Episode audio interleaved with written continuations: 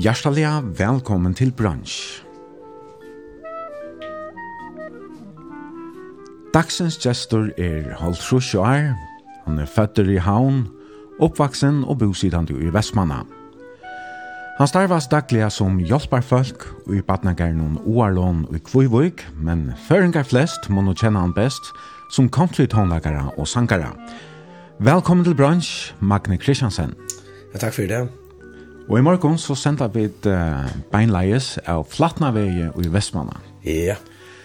Og her, her bor du sammen med familien i Tjad. En stor parti av henne. Ja, ja. Her er godt å bygge Ja. Frier litt. Ja. Vi har gått, så er det dåligt. Ja, det er en prakkfull morgen uh, i morgen. Vekkfrier ja. at du Alla er fakraste. Pura stilt. Ja.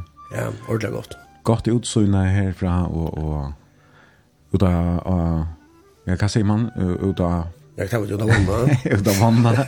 Ja, man vet noen nydelig. Ja, men det er jo nok ikke en en fjør, ja? Ja, jeg tog sørst fisk vi virkje, og tog oss til batene her, og... Ja, ja. ja. Nemlig, ja. Ja, prakkfullt vever, og som du sier, vever godt. Det er Vestmann i høver, i hvert fall året, så er det et vever godt sted. Ja, her er det veldig vever godt, det er det. Det ligger akkurat som det er en sånn kotlo, så... Her er det veldig godt å være, ja. Ja. Det er det som det vever og snø, ja. Og foreldrene sa at det er bygget bant nedan for så at det her er... Det er her du har bo med en person at du løver? Ja, ja, man sier. Kom etter fra gamla gøtter, kan man si, ja. Ja. Ja, ja. Men, så jeg sutt jo faktisk fra ståvindan om alle mine foreldre. Ja, nemlig, ja. Jeg vet ikke hva det er om han er. Det er ikke hundra meter. Nei. Nei, og her borte så sammen vi kondene. Ja. Elsie Kristiansen. Ja. Hva er det han der kjøpte uh, husene? Ja. Så det er nok år så gjerne sånt. Det er så det at um, bo i Kvivikken jeg var sammen vi. Da kom sammen vi Elsi. Og så får vi til Danmark til å komme av det nå. Og, og så at når jeg kom frem så kjøpte huset i Vestmannen. Ja. Ja. Og jeg mener at det var ut 2013. Jeg, jeg, jeg kan si at det var to årstøde, kanskje ikke akkurat. Jeg håper det er det som er årstøde. Håper det. Men det skal passe vel. Ja. Ja. Ja, ja, men det er nekk folk i huset her, ja? Ja, ja, det er så å si. Jeg har jo en... Um, Men jeg sviger døtter, og så til jeg var beklagelig at under kjallaren, så jo, jo, så vi tar var og tvei i røysen her, mm -hmm. og så bor den eldste sonen her oppe sjokken røysen, så okay. og den andre døtteren bor nere for skolan. Ja, ja. så de har vært tru på tilsammans. Ja. Og tvei av dem er så, er så her enn. ja, ja, vi tar var det her enn, så det er ikke grann. Ja. Den yngste, hun er ferdig Danmark her, uh, Sara, jeg tror hun. Ja, hun er ferdig uh, student nere. Ok. Veile. Ah, ja. Så ja ja, hon damer ordentligt väl så det det dåligt. Ja, kvar hon jag hade du säger men hon var Sejan. Hon Sejan. Mm -hmm. Ja ja. Och så är det Hakon som uh, han låg ju som är väl här i morgon och ja ja ja. Vad ska han ganska finna lust om stämmen nu. Ja, och så har vi en uh, Howard Jontor, han är 67. Ja, och för ja. han som uh, så är det två bötnäsne så tog tror det uppe. Ja ja. Mm -hmm. Ja ja, fantastiskt. Ja, det är nok så små appapatten. Ja, ja två og så är ble född 5 oktober mm -hmm. så Ja. Hur er det til tvärditt. Hur så er det där? Ta lutla ut rommen, hun hade Svara, og hon hade Krishna Okej. Ok. Ja, ja. Så man er ordentlig, man sier. gör. Och då ordla. Och det buttor alltså, det är så lutla altså. Jeg vet inte helt hon hade du sier hun hade Elsie. Hun er Elsie, den bygger litt. Ja, ok. Ja, ja. Etter rommen. Ja, ok. Ja. Og så er det hunden Ella. Ella. Eila. ja, ja. Och lika så fitter under borgen och slavar. Ja, och kan fitta en fitter little pottel under. Ja, ja, nå er det fitter. Ja, fitt och blå. Rolig. Ja, så här fullt hus där tar man vel hava løyver runt om det. Ja, det är dåligt här runt om mer er ordentlig Mhm. Ja, vi ser altså her här i uh, spisestoven, man kan se det så. Ja. är akkurat som att det är en äldre hus, allt det vet ikke när det man är ja, ja. Jag har just nok snackat vid husene, jag har jeg har skift køkken ut og lakka og alle stedene og nødtjøn, det var teppra gulvene. Mm -hmm. Og så mala, ja ja, ja. jeg har renoveret det. Nødt loft, så ikke Ja, ja, renoveret det nok så vel. Og det er døylig hus. Ja, og det er akkurat som det er, først kommer man inn i køkken, og så er en sånn, en öppning så kommer man in spojstånd här som vi sitter nu och så är det uh, ax med här hur vi nog i en shot i Orland dubbelt hår och så vidare. Det var det var så det var så det drar alltså gamla sländorna. Ja, nämligen. Ja. Här är sån stov att träta i. Akkurat. Ja. Och så att det som under stovarna så har vi ju sett en vecka på trät. Så är det en shower står där inne igen. Ja. Ja, okej. Så ja. Så En en träta. Ja, ja. Här, så här har vi det svära. Men vi kommer så länge. Nej, men vi var uh, en tur nere i Chatline om. Ja, ja. Här, alltså nu fortalt du att, att du har varit och bor här vid sina familjer. Men du har en parst uh, av Chatline Sjolvres nu. Här har ja. du uh, ett alltså, rum, en manfakar-rum eller tonlagare-rum. Ja, ja. Man, ja. man kallar det. Här har vi alla min alla min tonlöjk, alla mina plattor, flöver, gitarrer, hattar och stilvar allt det där försäljning. Ja. ja, ja, så. Här, alltså här var, var alltså kost för flyr hundra jag, jag vet inte om det var flyr tusen men yeah. uh, flyr hundra 3000 flöver cirka och Okej. Okay. 2000 plattor också här är cirka här då. Ja. Ja, ja. ja här. Hela nek och hela blanta. Ja. Nu helt man kanske att du hur spärra till country och och till uh, kristnan uh, town men uh, Här var resten Black Sabbath och här Ja, var Iron Maiden och ja, ja, ja. Pot from the Pot och ja. Ja, ja. Jeg har alt mulig. Jeg lurer til alle mulige teologi. Ja. Selv om jeg var best konsultolog, men jeg lurer til alle mulige teologi. Ja, ja. Vi får ta oss en nærmere om det at konsultolog er nok ikke alltid vært det som har fyllt mest så der. Nei, ikke da jeg begynner som er teolog. Slett ikke. Nei, nemlig. er for at ta oss en mer om settene, og ja, vi får ta oss en nærmere om tonlag, men det kunne huske meg lykke spørst om hvordan det var i Badnahemmen så där en till nere som föräldrarna bygg var så var var tonlagressen där som fälten där kvar. Ja ja, popmunne adressör. Alltså Christiansen. Han har spalt nek för tonlag og til her da till här där kommer fra, altså spelade harmonika och gitarra. Han spelade jo en bunch som kallas for Thunderbirds så. Ja. Og det er det en tar spela en faktiskt. Okej. Okay. Inte ikke, jeg spela ikke til tiltøk, Men tar tar vänja kvann sånne der, her inne her som A-handeln och A-handeln där man kallar det för nya fjöran. Ja. Så möttes jag där, så när kväll tog jag så här för kaffe och så vände jag där, halda av Luka. Ja. Så till det här till det här må jag ha lagt spetter för att det från pappa min. Nämligen ja. Men kvart kallar det sin här det har det... Tar det Thunderbirds. Tar tar kallar så stadigt Thunderbirds. Ja ja ja ja. Och jag vi att här sen skulle synja kol och komma det löven inte där liksom. Jo jo. Vi har en sang som on Beatles. Ja. Här jag får får höra synja ett vers allt allt allt och helt vers och så syns jag då cover man och snö sånt. Okej, okej. Så det var det stått lite så chans att har spalt, va? Ja, vi kommer vi kommer åter till till Florna sagt nu sent ingenjörsna. Ja. Men ehm men jag växte upp här i Västmanland det var det gott. Vi var om att nu backarna var gott spelplats. Mhm. Vi var lika druncher spalt där. Mhm. Och jag blev så att att mamma man kallas för Tomina hon um, bästa pedagoger som vi är i allt. Ja. Og hun gjør det, altså du vet, pannekaker, vafler, kleiner, og så røpte hun alle drønnsene inn. Mm. Og det var kvønt det vi fikk akkurat godt fra henne. Ja. Så det var kanskje at det var stått til å spille her rundt om nummer. Nei, ja. Så. Men det var inte ens pop, papten han han åt nog snäcka plattor och det kanske här to uh, hard uh, tone like från första toja va? Ja ja, ja ja. Det var det värst. Det var Charlie Pride, Hank Snow, Jim Reeves. Pappas favorit det var Cliff Richard. Cliff Richard in the Shadows. Ja. Men ja. Og så er Kjolvor, Heinz, sånn her tuske dronkrene. Heinz, ja. Det minnes du øyne, ja. spalte en plate av henne. Mhm.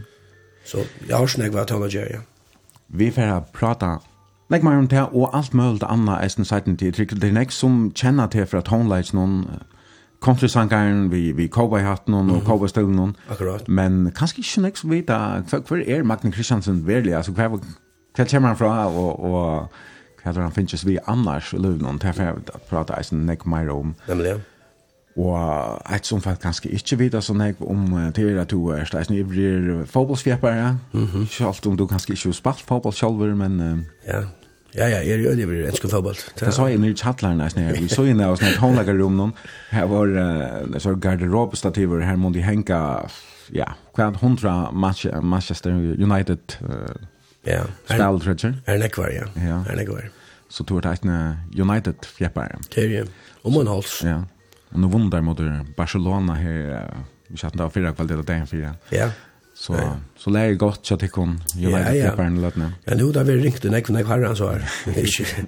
Alltså det är inte så långt att det är... Alltså jag är inte för sig grån och där på sånt. Det är för slett inte alltså. Jag har stått till att välja vei och... och Det är gott, det är gott jag också gänga på, ja. Mm -hmm. Och jag har inte grånat hela veckan för den här rätten. Ja, Så slett ju det hörs. Nej, nej, men uh, Magne, vi får spela Townlike och sändningen är sen tager vi ju alltid och du har valt några sanger. Ja. Och jag kan se att det är det är nog så blanda det hela. Men uh, vi får äsna spela några av ta någon sankon och det vil det være løy hvis vi ikke gjør det alt. Jeg tror det være en av den virknaste tonlageren av førska tonlagerpaddelen så igjen en av fra alfemsen. Du har givet åtta fløver og, og band ut. Ta nudgjende utganer og avveis. Og du ser av virkjen som tonlagere. Du, ja, i Josh Kvelda, ta det i tåsa, vet du, ta, ta hei du akkurat vi jo vant, ja. og fyra gatt tver store, eller tver føringar der, du skal spela til tver store føringar der. Ja. Og jeg vet at uh, høstdagen så først vi Norrøne gospeltur. Ja, ja, ja. Og spiller annars, uh, spiller Øljan Ekv. Ja, Jan Ekv gjør det. Er, ja. ja. Og du, ja, nu nevnte jeg seg her halter utgavene som du gir ut, som er i åtta i tale, og så har du eisen givet flere stekler ut. Ja. Og den første sangen vi får spille, til en som uh, to og kona du ja. Sinja Saman. Og jeg vet ikke om det er i samband vi, vi Silver Britlev eller nekka svar, eller om det bare spaltan som, som ellers, men, men tid av tid av vi saman enn nekva her. Ja, ja. vi har, halt, ja. Mer enn trullet vi har. Det var så løs at jeg fikk, um, fikk nekka tekster fra Kim Holsen sala, og, og så rantes var denne teksten nere, og det kærlagslyftet. Og teksten passet faktisk øyelig vel til Moina Elsie, altså, det var ikke teksten. Mhm. Mm Så jeg sier vi henne at jeg helt at vi bare skal få synge ned Sanji sammen, då ett, så. Ja. Det gjør det så. Ja, jeg visste ikke at hun tog så vel å synge. Ja, hun synger ordentlig vel, hun kjemper ikke vitt da. Nei. Har vi en henne sang vel, leisende? Fantastisk sanger, ja. Ja, men det er ganske Eisne høre han sett nye sending. Ja. Nå, er Nå, er han her. Nå er han her. Ja, men jeg halte vissel for å køre han fra. Ja. Og hette er hessen Jim Newsom sterklig, ja? Ja, ja. Jeg har just, jeg har just leie, og så har Camp Holson just åren. Ja. Vi tar det her kærleikslyftet.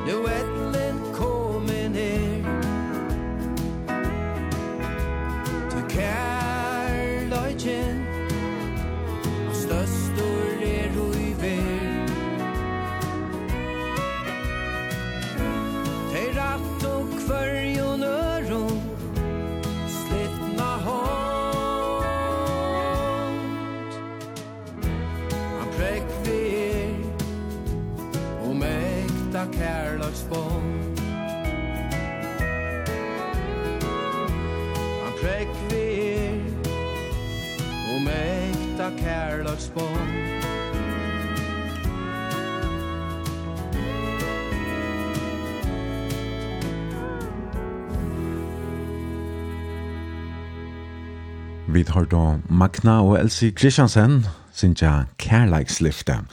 Og det er Magna Kristiansen, som er gestor i bransjen morgen, og vi sender beinleis av Flatna vei i Vestmanna.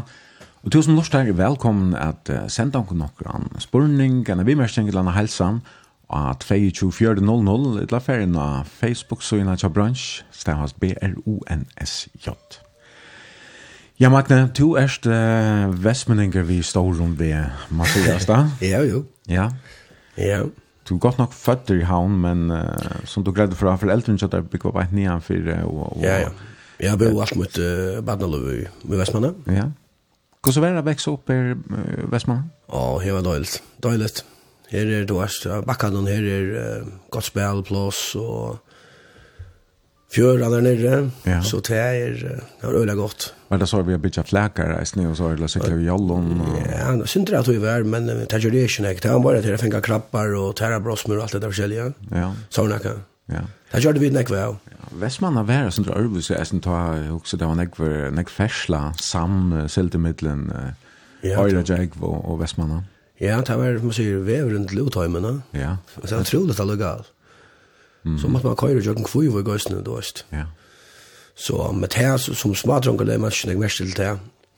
Uh, og kajen er inne, her var jo kafeteria og kiosk og pilsvåkner og alt det der. Her var vi nek og kjøpte så det. Ja. Men selv om det hadde blitt sin eldre, men, men som sagt, jeg vekste opp, det var øyelig godt. Mm -hmm.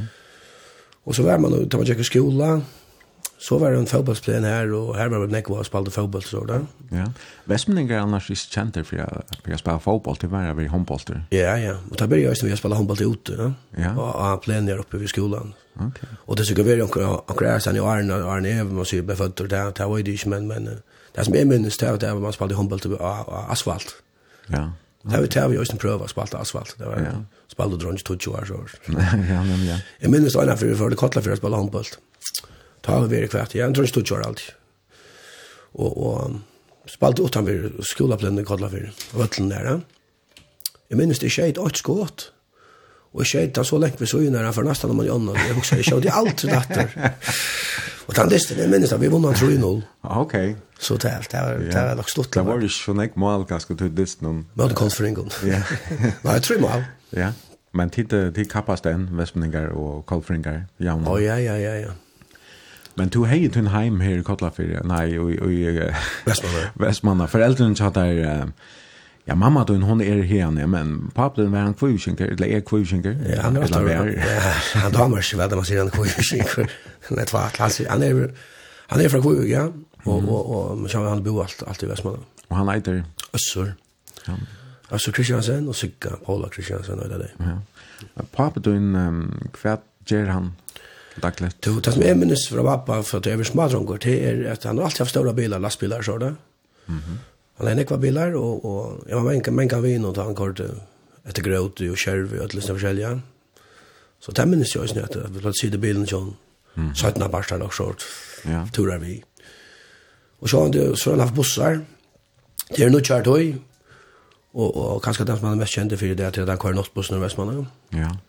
Kanskje leier kvöld. Mm Så man har alltid haft alltid haft stora bilar. Mm. Det är fantastiskt att att ta att han är färdig under det alltså. Ja ja. Köra buss, köra det unge hemma till det var ju Nick var vanlocker som hände Iron. Ja, ja, ja. Så ta bilen low card efter fram. Ja, akkurat. Och det var ganska norskt till han nästan att han började på det. Ja, han började på det faktiskt att uh, Bacchmo i Maria när första vannet kom. Och ta också en och hetta Berlish till morgon. Så valde han för köra buss. Ja. Så det var alltid hellre för bussen än för bilen. Nämligen. Men pappan är är målare annars. Okej. Det är det som han arbetar vid. Mhm. Mm så du nämner uh, Bajaden som var vi i Färselvann och nej, han, han slapp så snickarläser men det var några andra som kom, kom väldigt Ja, kom väldigt fyra, ja. ja. Det var tvär damer som var vi som Talina blev, blev lamma från benen i nyår. Och hon blev ösne, fick större skajer men hon, hon fick inte det och var fyra, jag tror hon stod Ja. Og, og han var så heldig faktisk at han satt midt i bilen alltid og ble krosjet og atter og frem då, så han får gav med. Mm -hmm. Så han var faktisk heldig. Ja. Men um, du har mer enn den ene badjan. Ja, ja, ja. Hvordan sysken er dit? Vi er fyra sysken. Trutje badjar og en syster. Ja. ja, ja. Og du er eldst? Jeg er eldst, og så har vi en uh, badjar som heter Eivind, han er nast. Og så har vi två etterløyere, uh, en badjar som heter Høgne. Mm og siste måned er det Gunnri. Ja. Ja. Og to så alt trus, Eivind er tvei år yngre enn to, ja? Og så kommer teier så... Ja, teier, er nu tror jeg at hun har at han, man sier. Fyrir, fyrir helt av tror jeg at hun har lagt. Ja, Så to og Eivind har kanskje vært nok sånn eksamen som smadrer ikke resten. Ja, ja, vi dør den her. Det er vi, vi er voksen opp sammen bare, så... Ja. Jo, jo. Men pappen, han flotte så til Vestmannen, da han møtte mamma dine, eller hva? Ja, ja. Ja, ja. Det var da æren. Nei, jeg halte han, han møtte mamma så flott han til Vestmannen. Mm -hmm. Og du nevnte navnet Sikka. Sikka, ja. Jeg vet ikke hva du nevnte at Arno ble gift, men... Ålesen. Ålesen? Ja. Mm -hmm. Og hon var atter henne, og, og foreldrene ja. henne bo eisen her? Ja, det er faktisk uh, her som mine foreldre bygg var, av bakkene. Ja. Uh, her mine uh, abbe og mamma min bo så innan faktisk. Ok. Abbe min kallas for Magnus Olsen, og om man kallas för Tomina Olsen. Ja, du nämnde ju om den i början att hon yeah. hon platt att att bäka till det konsertet vi spalte. Ja, ja, ja. Jag var öliga i om på mina. Det var fantastiskt för människor alltså. Och det var så goda jocken alltså. Tog sig väl av och ja. Så du Jack Nick Windel där som bara. Ja, ja, kvante. Ja, kvante ner. Mhm. Så är en annan om uppe i Havnasne. Det var så i, Helfred och Ivan Christiansen. Ivan var eh, jag känner Ivan han var postbo i Kujvik. Okay. nek var. Han sjunger inte. Ja. Ja. Men flott, alltså flott att tänka så till hamnar sättne eller eller bo där i hamnar. Det som är minnes at jeg bor i hamnar eller drinner. Ok. Ja. Så du var nek vi hamnar eisen som. Ja, ja, ja, vet jag. Ja, ja, ja. Og mamma min bor jo i en byggning uppe i i vi hospitalet og så som Starfish big var stor bygg, gamle bygninger som er her oppe og och Öragare. Mm. er hos när eller så stor hos när det var. Ja. Här bodde jag. Okej. Hun arbeidde som sjukkerhetssyster. Ja. Ja. Du nevnte pappa din, han spalte tone like uh, vi Thunderbirds, og altså Västman er jo också sväckna kanskje kjent som en sån country bigt. altså, jeg vet inte det er Västman som har Josh det, eller om det var Westerns men det er nekva orkester som er också vi Vest, Ja, ja. Vestmanna. Ja, jeg var några orkester. jeg har stått med så Västern Westerns. Fox var åt. Ja. Fools. Mhm. Mm så Thunderbirds ja, nekv, nekv var gestur mm. fyr, det var nekv. Men uh, country var ikke nekka som tulur deg etter uh, som baden? Nå, ikke velja vi, nei, slett ikke. Ikke, ikke, jeg fall for, um, som sagt, jeg hørte uh, Cliff Richard og The Shadows, det var, det var nekk rock'n'roll til meg, Og så sjålvan til Charlie Pride og Jim Reeves, alle som platnar som hamnade i 8 sjålvan. Men, men, uh, det som jeg fall for, det var, uh, ja, søvann er faktisk, Arne, det, det var pop med dem var en sang av, av Elvis som kallas for One Night Video. Va? Ah, ja. Og første forskning var en plate bare i Vestmanna. Man kan kjøpe elva plattor mm -hmm. og singlar og sådant. Och jag förstår lite efter den sannsyn, det var dumt jeg så vel. Så får jeg en där til Fältebus inn i platebarene. Og her stod en plate av Shaken Stevens and the Sunsets, Iron Shaken Stevens for solo. Og til Fältebus, ja, det var en sankring One Night Video av plattorna. Mm -hmm. Og jeg minnes det, for heim samla meg penger til disse platene, og kostet 120 kroner. Ja. For innator, og stod her og kjøpte henne, bare du sanger var av. Men det som jeg så fann ut til, og til, og til, at det var altså 12 sanger av platene. Og det var henne sanger, det var nekvar, det var nekvar bedre enn henne sanger. Ja. Og selv var det så for jeg hittet artistene, hvor det var som sang. Og det var noe kjent fors, jeg kjøpte disse platene. Ja. Så ta, ta du ikke mer enn åtte år gammel? Ja, cirka her, ja. Ja, åtte år, ja. Mm -hmm. Og jeg kjøpte så platene, og da jeg kjøpte så platene, og så kjøpte jeg til Shaken Stevens, og så fer jeg inn at Ridge og løyta, nå stender jeg nødt plate av Nærbøynt. Det var enda plate vi visen her, uh, permen er han og en butterfly, en kjent permen, du vet. Mm -hmm. Platen ikke, og plata kallas for Shaken Stevens, Give Me Your Heart Tonight. Ja. Det er den platen her, og Julie, og, og alle sannsynere. Mm -hmm. Så jeg kjøpte den platen også, og Men dømte jeg så utrolig vel. Og så var en konsert i sjøarten nå, for han. Jeg var til hver tvei fors, alltid, syska. Ja.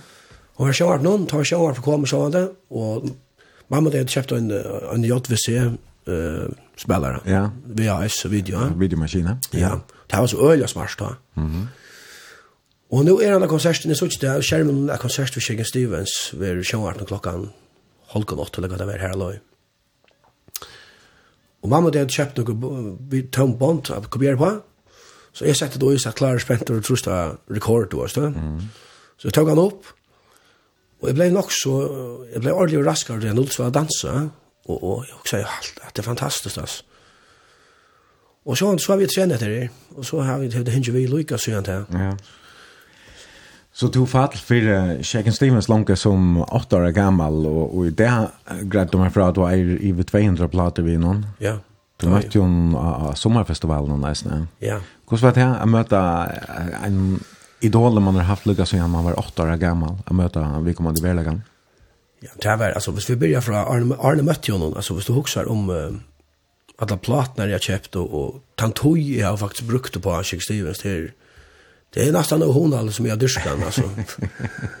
men men det gör det då och och och Ja, ja, men de tar så otroligt väl och så så kommer den sommar när går att nå det sommarfestivalen i Färjön då. Jag fick lov att möta hon och och jag visste ju när så första plattan som jag åt. Mhm. Mm så det hette hela grunden till att det spelade Town like. Och hette den första plattan han han ja, fantastisk. Jag ska signera den och, och jag är så förskälliga plattor som man signerar, ja. Mhm. Så får vi bare inn i rom, at han anna tog tås av pressene, i fargen. Mm -hmm. Og så satt vi bare der, ansamadler, ungen manager, ungen akkar, og prata og bare. Ok. Yeah. Og det var nok så stått litt. Ja, yeah. hvordan var han? Pura nye hjørne, og fytter, og snakka vi, og det var så, ja. Så det var, det var en størst opplevelse. Ja, du ja, ja. blev ikke starstruck. Slett i rørs. Nei. Altså, Jeg lurte til Chick Stevens der, men Chick Stevens er ikke en favoritt fra noen ærer. Jeg har jo omgang da som er dyrke, jeg lurte lustar alt, alt att til tonlöj. Ja. Och då hvis man omyntar sig för en ekv omfall så möter de välagan så kan man bli skuffad på resten. Så ja, välagan så som du har vant. Ja, ja, jeg ble ikke skuffet, Han löjla blå djur så tur. Ja, ja, men han er, han er alltså en en, en stor artist altså han har jo sett uh, i mycket meta alltså som ja. som uh, bästsäljande artister i England det att touchar touchar ska jag. Jag har faktiskt Kanada ständer Guinness Guinness rekordbok at, at uh, fra 1904 til 1905 er han mest hytt i Tutjara skoj. Det er ånden som har sånne hytt i Tutjara skoj og i Bretland som han. Ja. Det var så en coverversion hade This All House som var uh, det största hittet i honom. Det er det största europeiska hittet han har haft, ja. ja. ja. Men du har en annan sang. Ja, jeg har alltid den sangren som, som Shake Stevens uh, synker best. Mm -hmm. Och det var ikke en sanger som ble nummer 8, han ble nummer 2 i Bretlandet. Det er sanger som hadde You Drive Me Crazy, Jeg har alltid det bästa där i Anders Ja. Ja tycker vi att det här flest förringarna är kvosvara och är aldrig. Man känner han. Ja, ja, fantastisk sång. Fantastisk sång.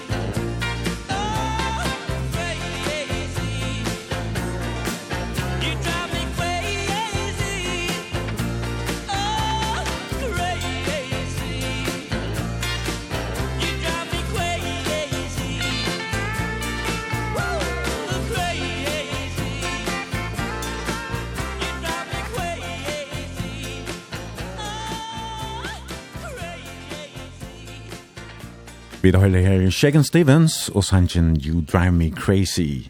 Og det er Magne Kristiansen som er gestor i bransje morgen og vi sender beinleis av Flatnavei i Vestmanna.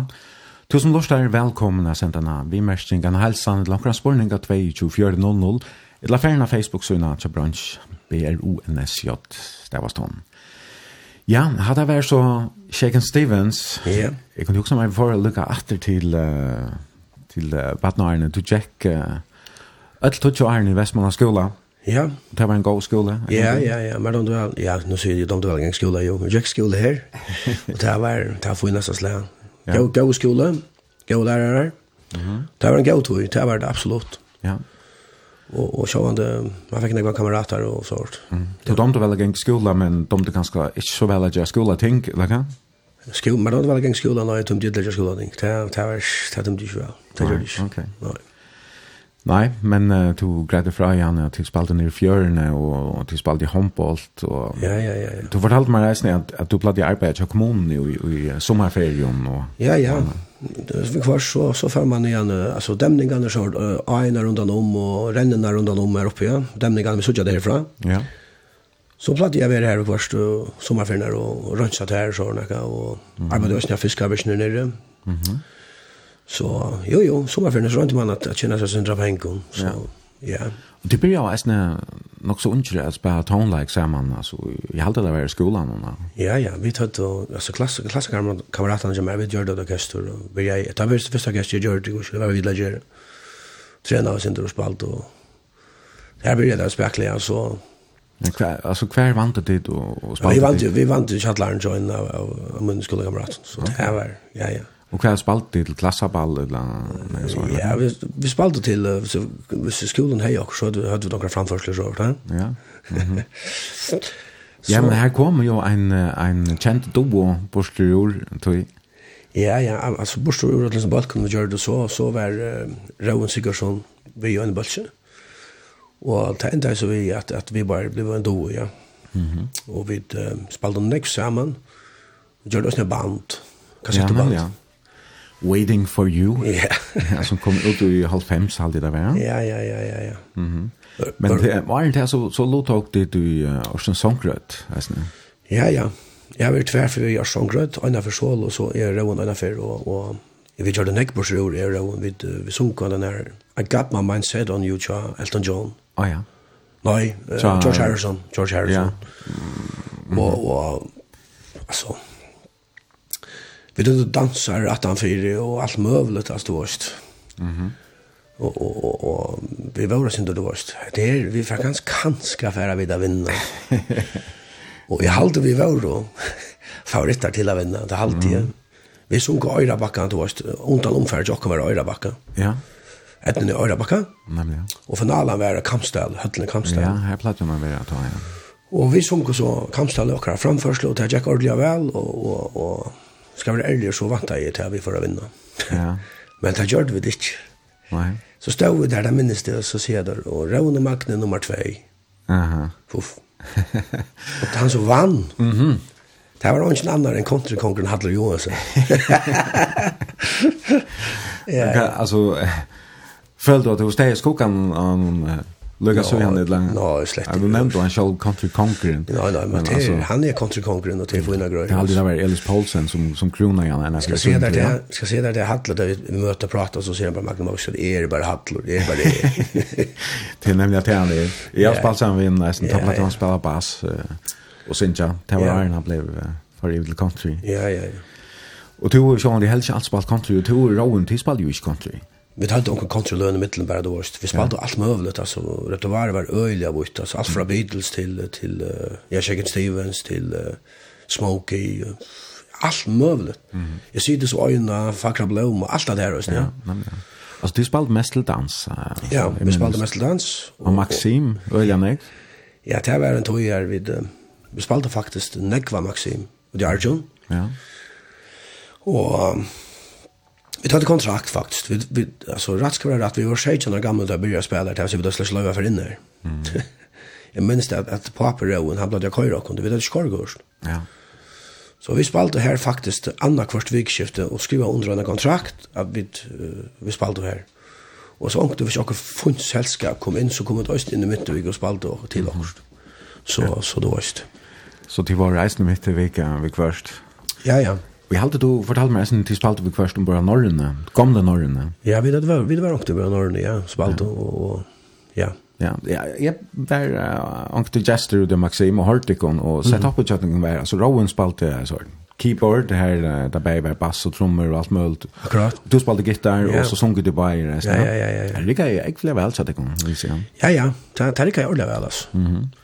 Hvordan langt spalte de sammen? Vi spalte noen år. Vi spalte noen år, og så, så steg jeg til. Hvor?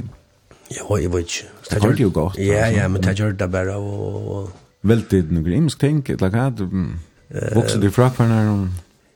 Jeg hadde ikke vi vokser fra hverandre, det, det stenger jeg bare, altså. Ja, ok. Så, ja, ja, vi får først så ut, og så får vi det solokarriere, så det. Så, så... Det var Rowan, han flott ikke ned langt å ta, eller hva? Jeg hadde ikke han flott ned på en av veien, nei, nei. Nei, Men ja, ja, du greit fra at du arbeider av fiskevirksjonen eisen, så om ja. dagen och så ja, ja. och så spalt hon kvällarna och vikskift någon. Ja, ja, ja. Mhm, mm men ehm Ja, du gavst at når tøtjen da, om, om også er det noen til å fære lese vojer, å fære handelsskole eller student? Jo, det gjør det faktisk omgang til. Jeg også er slett ikke å fære skole, jeg også bare med for arbeid. Ja. Det skole er det jeg slett ikke, og så, så jeg kom omgang til det. Du var ikke selv boklig? Slett i rørs, no, slett ikke. Men du møtte Elsie, er det nok så tullig? Ja. Ja, to. Vet du, det var de der måndet at Tora og spalt sammen? Ja, det var det. Mm -hmm. Var 15, jeg var 16 da vi kom sammen. Ja. Og ta, ta hadde vi tvei ungdomshus i Vestmannen. Ja. Det var Gøylen og Låsjane. Det var fantastisk, altså. Jeg møtte henne i Gøylene, men det skal jeg komme inn om. Men, men her var, Gøylene var, det var et ungdomshus, og her var biljard, og du kunne spille kors, og, og det var alt mulig, og, og, og, og lort til og, og det samme var Låsjane, her var... Uh, hoppspel og korsbøl og alt mulig spøl. Mm -hmm. Og, og de ungdomsene var åpen, man sier, hver vik, og, og og ta, så kunne man bare velge hva man får i. Og i det er gøylen til genier, han er helst ikke langer, og Lars-Jan er helst til langer, så det var Ja. Så. Hatte det han ikke brøtt, men, men um, hadde du nevnt det før meg til møttes var det anna eller tria jólakvöld? Tria jólakvöld, ja. Ta møtte jeg henne, ja. Og i... Um, og i gøylene. Ja, og i nødvendig furs. Ja. Og, og du vet, så danser vi inn og så da, ja, ja, du vet, og, og så lagt jeg henne hjem, og, og det eneste jeg gjør det gavne mossa kjolkan, så var jeg heim.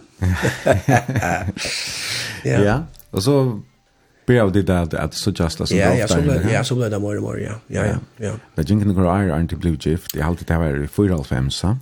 Men uh, to blir jag kanske at, att uh, jag färdas ofta till Kvivgar än än då annars plattar det Ja ja ja ja, jag var nästan ja. Först först kväll det Kvivgar nästan alltid. Låter du till Kvivgar resten? Ja. Ja ja, jag flög till Kvivgar ja. Och bo så hemma så så var föräldrar någon ta. Ja, det först det först och först två år när det var så ta kort bara buss att framme och då så så Mhm. Så får vi då lägga Kvivgar och toast. Ja. Ja. Okej. Och så satt ni köpte det där i hus. Ja, köpte det i Kvivgar. Samma år som det blev gift. Mhm. Jo, jo, så... så og bo her noen år? Ja, ja, ja, og med dem til ordentlig velkvivik. Ja. Med dem velkvivikinger, det finnes folkesle. Ja, men ja. Så jeg har nekket om mindre kvivik. Vi er døylig ta det, til det.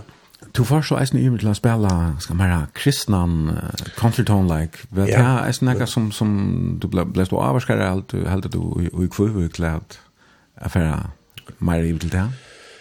Nei, ikke bare så kvivig, det vil ikke ikke, men, men uh, kona som er ble, ble tryggvandig årene frelst, og, mm -hmm. og um, jeg sa til at hun høyde, høyde ordentlig godt, og, og hun høyde faktisk ikke bedre enn jeg på en gang vatter og høyst, Ikke tog, nå snakker jeg ikke om at jeg høyde ikke jeg høyde godt, slett det, men antallet jeg høyde ikke godt. Jeg får høyde som tingene, og, og, og, og, og så får jeg lese Guds år og finne til hva, hva, hva Bibelen sier om i stingene. Og jeg ble sin sin skakker, så han hadde så ikke lese det som stender i gåsåret, om et her at hvis du ikke vender om, så, så enda det gal. Ja? Mm -hmm. Og så hver vær er nere Jesus som, som døg av en krosse for meg. Og hvis en kærlig fot til Jesus, hva kvett er det som han har gjørst for meg. Og hva skal jeg så gjøre for å komme til den Jesus? Skal jeg oppnå noen ting, eller skal jeg bare si takk og takk med honom? Og jeg ble bare mer og mer kattla over, og, og så sa, sa jeg etter her at, at uh, Magne, hvis du ikke tenker det sammen og, og venter om, så er det galt. Og det gjør det, og det, det, det, det man snakker om at det er man får bøtten, og man uh, blir gifter, og alt det, det er fantastisk, og det er en gave man får. Men at, at takk med Jesus, det er den største jeg har gjort løn. Det er den største avgjørende jeg har gjort løn. Og det var så eisne spalt og jeg var en kristna med andliga antonlag kanske mycket lukka jag ta. Ja ja ja. Ja. men. Og där er det sjaldan du spiller en konsert utan du eisne spiller. spelare. Ja, altså, jeg spiller ikke en konsert utan Jesus er är inblandad som jeg att du rätt att vara till till ikke, altså. Det er det viktigaste for meg, jeg synes ju Jesus. Mhm.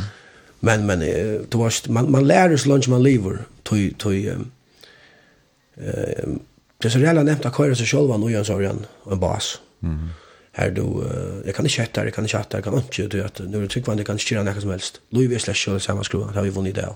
Mm. Är jag människa och jag har nog för mig själv jag ska inte döma andra människor jag ska gå ut människor så då var Så du är ganska brött, alltså hållning så jag antar. Ja, alltså jag är inte, jag är inte fyra kan ta, det är, alltså, jag går ju människor och, och, och vi är alla människor.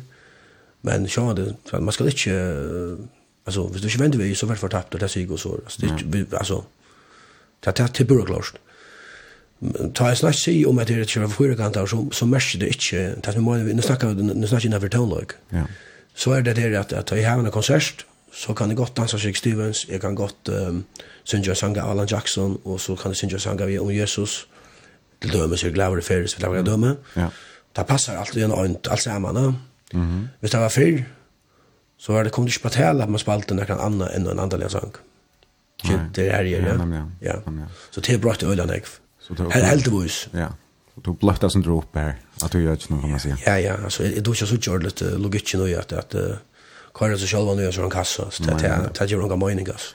Årsøkjen til at du spurte jo om det kan skal være um, at du ble avskrevet at du først til uh, Kvøvegard til at vi slår høyre en sang nå her uh, hverferd i døgn. Uh, Ja.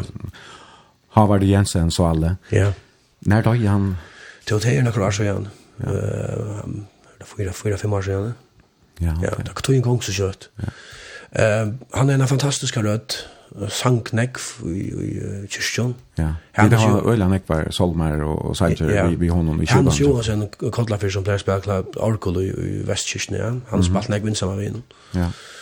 Så jeg halte til at uh, vi skal være lort sånn nu. Ja, og hesten er nok så nutjer, altså en av dem nutjer. Ja, ja, ja. Sånn og sånn.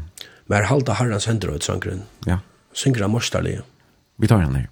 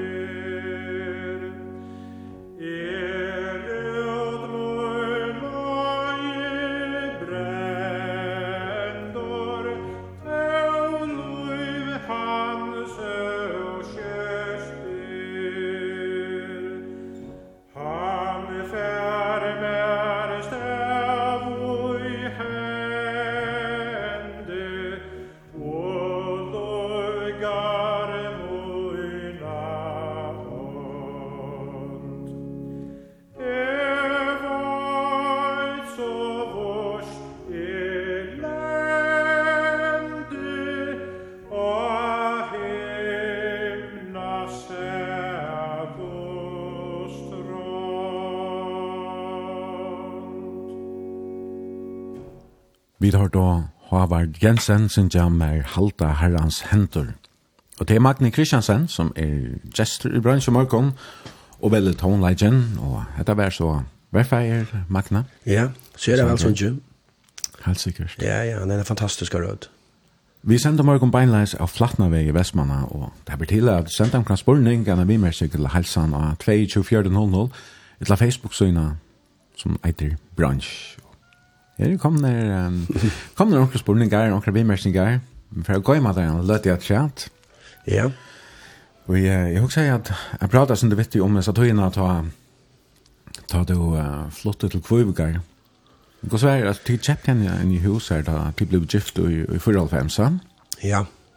Ja, ja, og, og Var det en eldre hus du kjøpte eller? Ja, ja, ja, en eldre hus, ja. Og, och jag måste säga det att jeg ble blev väl mött i Kuivik. Kuisingar blev med det skulle röja. Och de föll kvivik. Hvordan er, altså, Onkte som havnar meg over hemma vervan av at her er et eller annet akk mellom kvivskingar og vestningar. Ja, det er fra gamle tog, ja, det er ikke, jeg har det ikke mellom unge folk, det er slett jo. Er det akkurat vi, vi marsje mellom bygdene, eller hva er det, er det her strøy? Ja, man ikke være, man ikke være, noe vi gjør, det er sånt. Ja, det er platt, det er platt, alt det er råd, og alt det det er gammel dom. Man kallar kvivskingar for stoppar og vestningar for holdpelar, ja. Det var akkurat, det var ikke, men, men, altså, Du er en av dem som har et bein i hver en leir i år alltid har vært vel mot tidsen på båda steg. Ja, ja, ja. Ikke mot kursen, ikke måtte Vestmenning. Nei, nei. Nei, slett i vrøvers.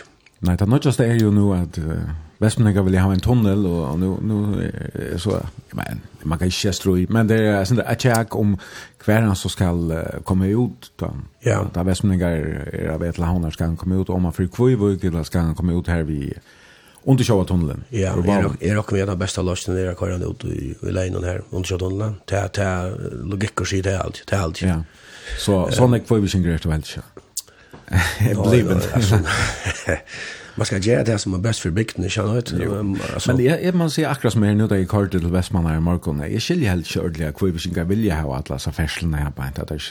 Vi är frien mer än ferslene. Det här skulle køyre, altså, Ja. Några 100 meter är det att för att komma till tunnelsmånaden hvis man ska till, till Västmanna. Ja, men det är problem är bara att här i, i Västmanna hör en till dem som om, om vetrarna. Mm. Visst det är kav och sånt och, och det är inte allt som tårar kajor i växeln. Det är stormar och kav och sånt. Det kan være sin autospillet av høyre, det er det altså. Ja, ja. Det er... Så jeg skiljer vel alt det som vil ha en tunnel til, til slett ikke det. Nei, det er det gjør jeg snart. Og er akkurat til grunden til at bygden ikke vekser heller tog at, av tog at det at tog oss til at det hører en som er køyre etter det er så kjeilig. Det er det, om vetren er det. Det er det som forer. Man hører det jo ofte i utvartene, når biler stående fast, du køyre det ikke om hører inn. Og, ja, ja. Og, og da det er veldig ordentlig størst kave, så har vi ofte mengan biler, biler seg fast. Det er akkurat det, det er akkurat det. Ja, ja. Så jeg kan være grod og kjelda køyre, det kan det godt, ja. Ja, nei, men jeg har kjørt kjelda vel. Ja, men... Uh, att det var sån där att att att lite så spår. Jo jo.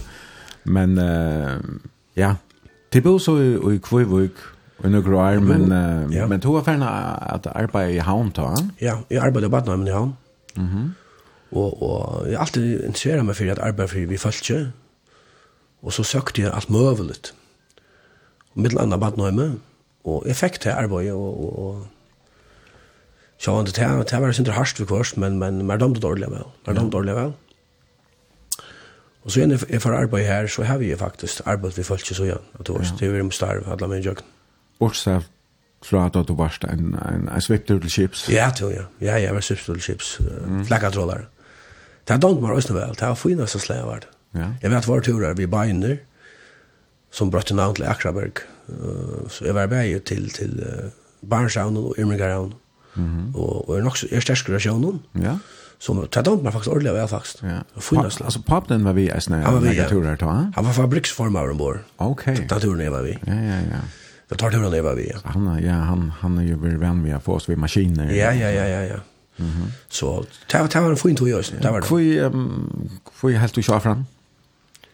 ja, jeg er den typen i lunch nok til et familien kjøper, og, og, og tar man færre småbøten så, og de vekser opp, så då visste nok sånn hvis det var borst og sånt. Ja. Så jeg valgte for å hjem. Ja. Hakon var, var fett ut? Ja, ja, ja. Så jeg, jeg får då varst arbeid for ikke ja. Ja. Det var Arne for å bad nøyme faktisk. Så, så jeg tar, og den leien der har vi arbeidet for folk. Ja. Ja.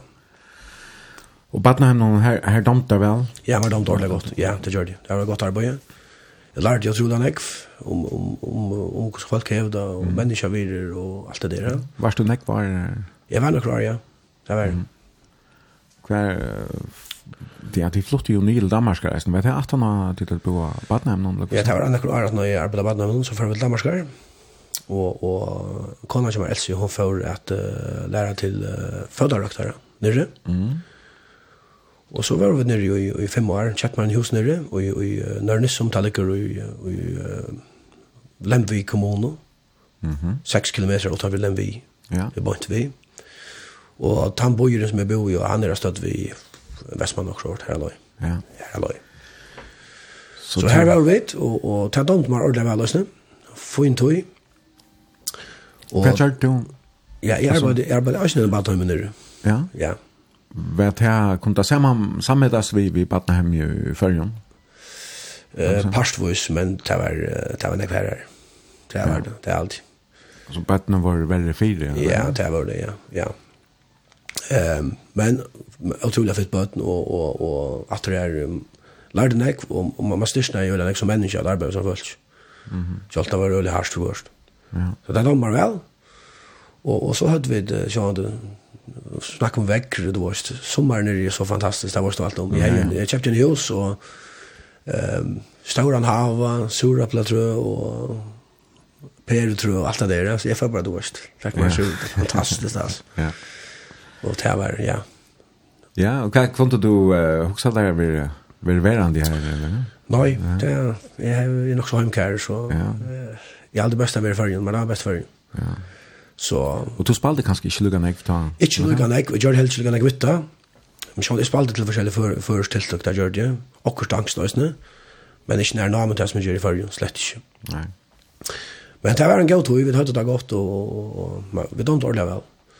Så det elsker vel i at, at lære og alt det, og så, så knappelig så ble det her, jeg aldri skulle bare få hjemme etter. Og så valgte jeg det for hjemme etter fem år. Ja. Så, Var det noe særlig som, som gjør det til, altså fikk det bjør arbeid eller noe? Eller? Nei, jeg får ikke hjem på grunn av at jeg fikk et arbeid i vana veien. Vi får bare hjem. Ok. Så, og dette var 2013? Ja. Og hva var det lagt at jeg bare skritja helt telt pelene opp og selja ja. husene? Og... Nei, det var lagt for hjem, men jeg selgte ikke husene på vana veien. Vi hadde husene som sommerhus. Å ja. Det var å si, jeg heide jo i hvert, tjej år att han har eller åtta år att han har tre. Så då var sommaren jag kom ju för nere där att att slappa av sort och så jeg selgte det slett på den veien. Jeg ble helt hos nu. Jeg var helt ikke, du skulle, skolan att bo bo er ikke vær, vær, skär. Nei. Så så så man kan gå på ha det som sommar. Ja, skjønner du, så så Så det er et stor glede av dem nå lugga vel. Ja, men det det har så sålt det sålt det nå? Ja, ja, sålt det. Ja, ja. ja. Ok, jeg er helt av varandra alltså en stottlig server som du fortalte om att att, att det skulle sälja henne. Ja. Sälja hus nu man ja. Att jag hade var det Elsie som kom i husskolan? Ja, hon säger jag kör i husen ja, Facebook nu bara så klagar. Och innan för en halv timme så är det sälj så säger jag god morgon så jag och rätt ska vara rätt till det sälj innan för en halv timme. Det blir det. Och du skänker det sen? Nej, det är visst. Nej, nej, slett inte. Nej. Jag ska se det här FN, det kommer till det där, du vet. De tänker, det er ikke så farligt med når vi då så. Mm. Det viktigaste är att man är där som familjen är. Mm. Har det gått så så så är det gott. Ja. Pura bra samtal. Ja. Och man Jeg hade nu er det ju tonläggare så vi må røyne att uh, få spalt några sancheresna och du yeah. valt uh, så fjellbrøyta, uh, en en en fjellbrøyta ja blanding av av sankon. Og nå halde vi selvfærd til noe helt annet, som iverrasker meg at du valgte. ja. Og det er uh, Metallica. Ja. Altså, du nevnte jo annet her, at jeg lurte ikke bare til konsertologi, jeg lurte til alle mulige. Altså, det som er damer best, det er konsertologer, og, og det ligger bare nærmest at det er til heavy metal-dologer, tunge målmor, altså. Ja. Yeah. Ja, jag sa att inte inte growling och och så men alltså melodi Oscar heavy metal eller gå den låg. Ja, så alla Iron Maiden där är sen nu chatline on och Black Sabbath så. Jag har alltid att att Enter Sandman ja Metallica till är det till faktiskt öde enkelt lä. Ja. Det är inte bara kortru. Nej. Men uppbyggingen och maten det spalte på och drive och allt det här det är fantastiskt alltså. Det är också så längt lära, länk intro så vi hade i kvarna bara fram men vi pratade om det där. Ja, ja. Jag var på konsert med Metallica i Manchester. Ja, ja. Og, og man ser at, at det var fantastisk. Og så da de det leier til oss. Ja, så koka, ja. Altså, altså, altså. Ja, jeg husker altså, trommesläraren og slåeren, Lars Ulrik. Ja. Han er jo danskare. Han danskare, ja. ja. Var det en bölker du blir lort etter da du bor under, eller hva säger? Nå er slett ikke faktisk. Det kom bare som snart. Det var Jeg har hatt av leie, så, så får jeg lust til dem. Mm. Så jeg køyre så ufattelig vel at av leie. Ja. Tungt og drive er så fantastisk i land. At det køyre MTV er sånn. Ja, og jeg synker det holdt ufattelig vel og snart. Ja. Kun du huske deg selv at det er åkte jeg for spalt som var noen tannlag som heter? Slett i behøvers. Slett ikke. Vi har her Metallica og Sanjin Enter Sandman.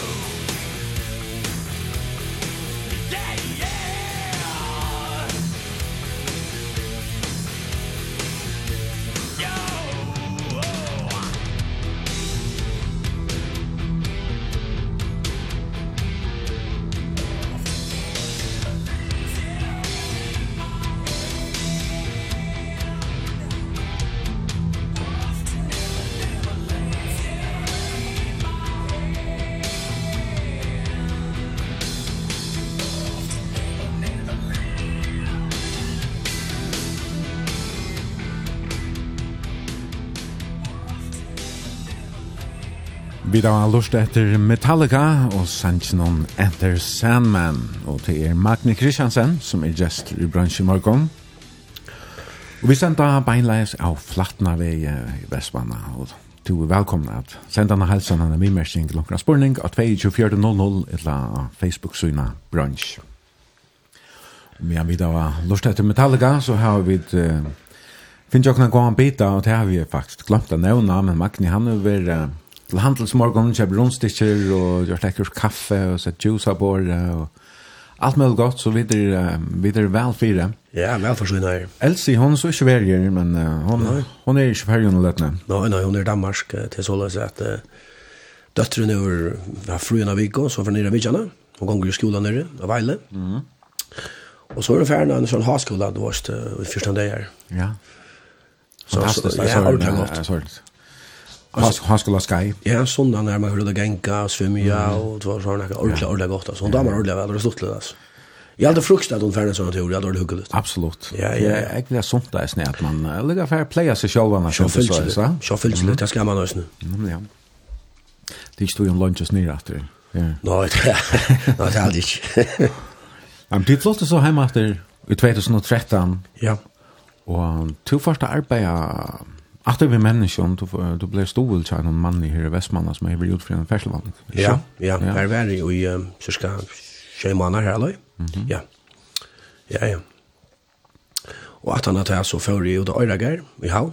Arbetar vi människan vi handikapp. Ja. Hur hur hur kom det här lära där starkt du sökte eller? Ja, det var faktiskt en en jag fick en en möjlighet till att få arbeid här så så eller han spurte meg, til Magne, du burde prøve søkt ut Øyregar, og vet om, om det er sikkert akkurat nekka for det. Ja. Og det gjør de så, og jeg fikk starv. Mhm. Hva er jo arbeid du viser du av Øyregar?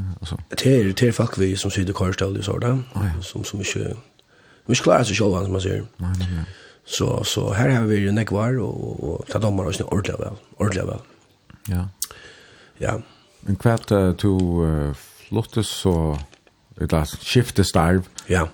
Fyrir en fyra åren så gärna. Ja, ja, nu är jag arbetar i ja. Bandagaren Kujvik. Ja. Åarlund Kujvik. Det är helt fantastiskt alltså. Ja.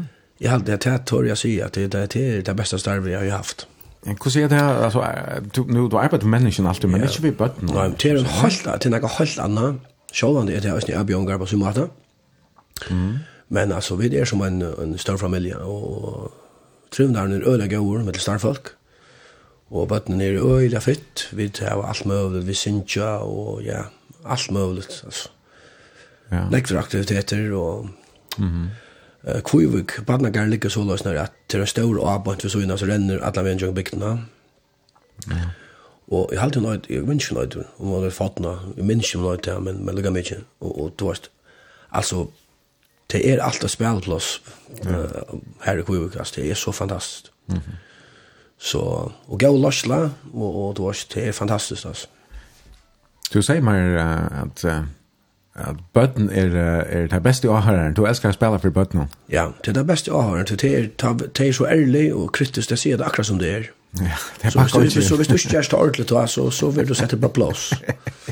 Det er sannhet. Ja. Så spelar det det en hvor just du? Hvor ja, kvui, ja. Kan du ikke takke kolbærstilvannet med vise, og hvor krokodillisje nere av stilvannet til dømes, så? Altså, du vet, Det sier jeg akkurat sånn som det er. Ja. Når jeg forstår at jeg hatten vi, når jeg forstår. Du vet. Ja, nemlig, ja. Ja, men her kom den helsan. En uh, lortar skriver, «God morgen, som leier til Magna og Erlån og Kvøyvøk, fer han beste skossmål.» Trofaster, lattlinter, ungen oppgave og stor. Magne vil ser høyt virusmetter av ødlom, bøtnon, foreldron og slagsfellon. Og takk for det. Så det her er, uh, hatt det er vimmelen, men som leieren satt han seg etter, ja, nå får jeg det ganske rinja til den der, sånn, ja, han, han er øyla fytter, han er øyla vel, Ja, det er stas. Takk for i gang. Ja, Men uh, men här tror du väl men ja, ja men de var otroliga väl alltså. Ja. Och just det jag har prövat det att arbeta då. Jag har all, alltid arbetat kvällvakter, nattavakter och allt det där. Ja, men ja. Och nu arbetar jag morgonen och om dagen och så luckar badnagaren och så är jag läser att göra det som jag vill. Mm. Nu också så är det om tålag så då. Jag får brukt, jag får just några mer vid tålag nu. Ja, så det passar bättre än ut här. Minst. Ja, passar öjla väl inte minst ja, som som är nu. Det är fantastiskt det. Ja. Ja. Jeg hadde vil bare vende etter til, til toneisen enn å løte. Og vi da var, ja, prata om uh, at uh, to spalte alt mulig blanda, sammen med Roan, og da, da to spalte til dans, det var, ja. jeg vet her, føreska dansebands, repertoire, og poptonleger, og føres, alt mulig blanda. Og så ble det mer uh, kristen tonleger-setene, mm Men uh, ahoen for country og alt det her, halløya vi, Cowboy hatte og, og Cowboy Stilvon, når blir jeg til? Da blir jeg faktisk i Nujan Rolfheims, faktisk. Det er fra Lurstedt Konstantin, tog at uh, da tog jeg skal jo ta, man fikk parabol og alt det. Mm. A parabolene var en, en, en uh, kanal som kalles for CMT, det er mest Country Music Television. Kort døgndrift vi country videoløven, mm Da sangre byrjar, så stod hver artist og sang, hver artist og sang, og hver navnet av, av platene var, da fløvene var, mm -hmm. og plateselskap. Her kom et le vi Alan Jackson som øyde Chattahoochee, og da ble vi pura forelska over, altså. Okay. Jeg falt fullstendig av fyrir det, altså. Og så igjen ta har vi, altså kontratonlageren hadde jeg fra halvfemsen til, til nullene er den beste kontratonlageren som er hadde jeg. Bortsett fra de gamla kontratonlageren som er røysen damer vel som jeg har den ikke Mm Mhm. Axel Buck Owens, Charlie Pride og Jim Reeves står. Det tar damer mer ordentlig vel, men den kontratallen som kom i 15 Alan Jackson, Garth Brooks, alt det er fantastiske kontratallen. Ja. Jeg kjøpte alt land han som kom ut av han. Tog at jeg så hva fløy man kattleist og, og artisteren du vet jeg hukte det nere, Ja, så bestilte jeg meg den etten. Ok. Så, så, Og ber du så eisne opptrakka vi, vi vi konserthållet alltså att teka det till du ja, så så vänja det att spela sånt Ja ja.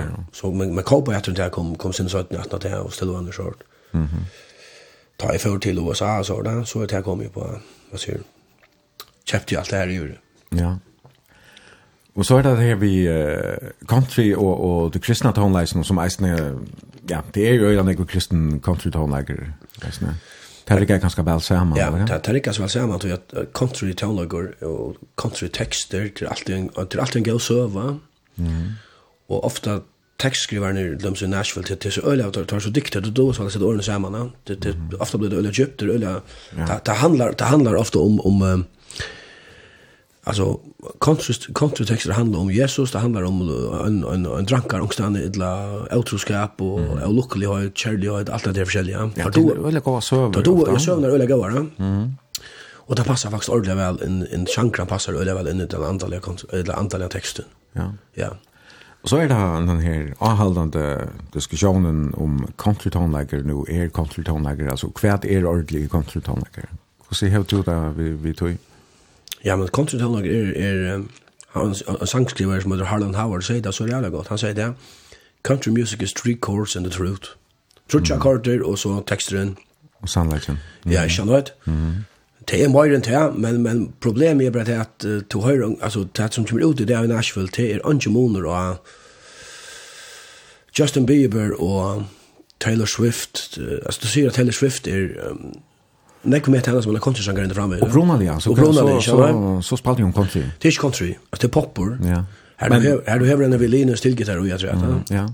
Men hon hon får iver till att spela rent ska pop ta hon och svägna blev utstött ur Nashville alltså tror till till Page will the gå tag att han håller som hon spalta. Ja ja, jo jo. Tantologen du just i Nashville där när kvar då. Det är ju kanske så det sagt. Ja. Färdigt. Det poppar. Ja alltså finna tonlager mm. men du ska inte tonlager. Nej nej. Nej nej, men nu ska jag se efter det nu nu jag vet att det är sen en period att tonan och Ja ja, men det är det bättre. Så gent. Det är inte problem. Men det är mig när man nästan säger det samma om Patrick Klein då hon kom fram att hade inte han runt så kom till det.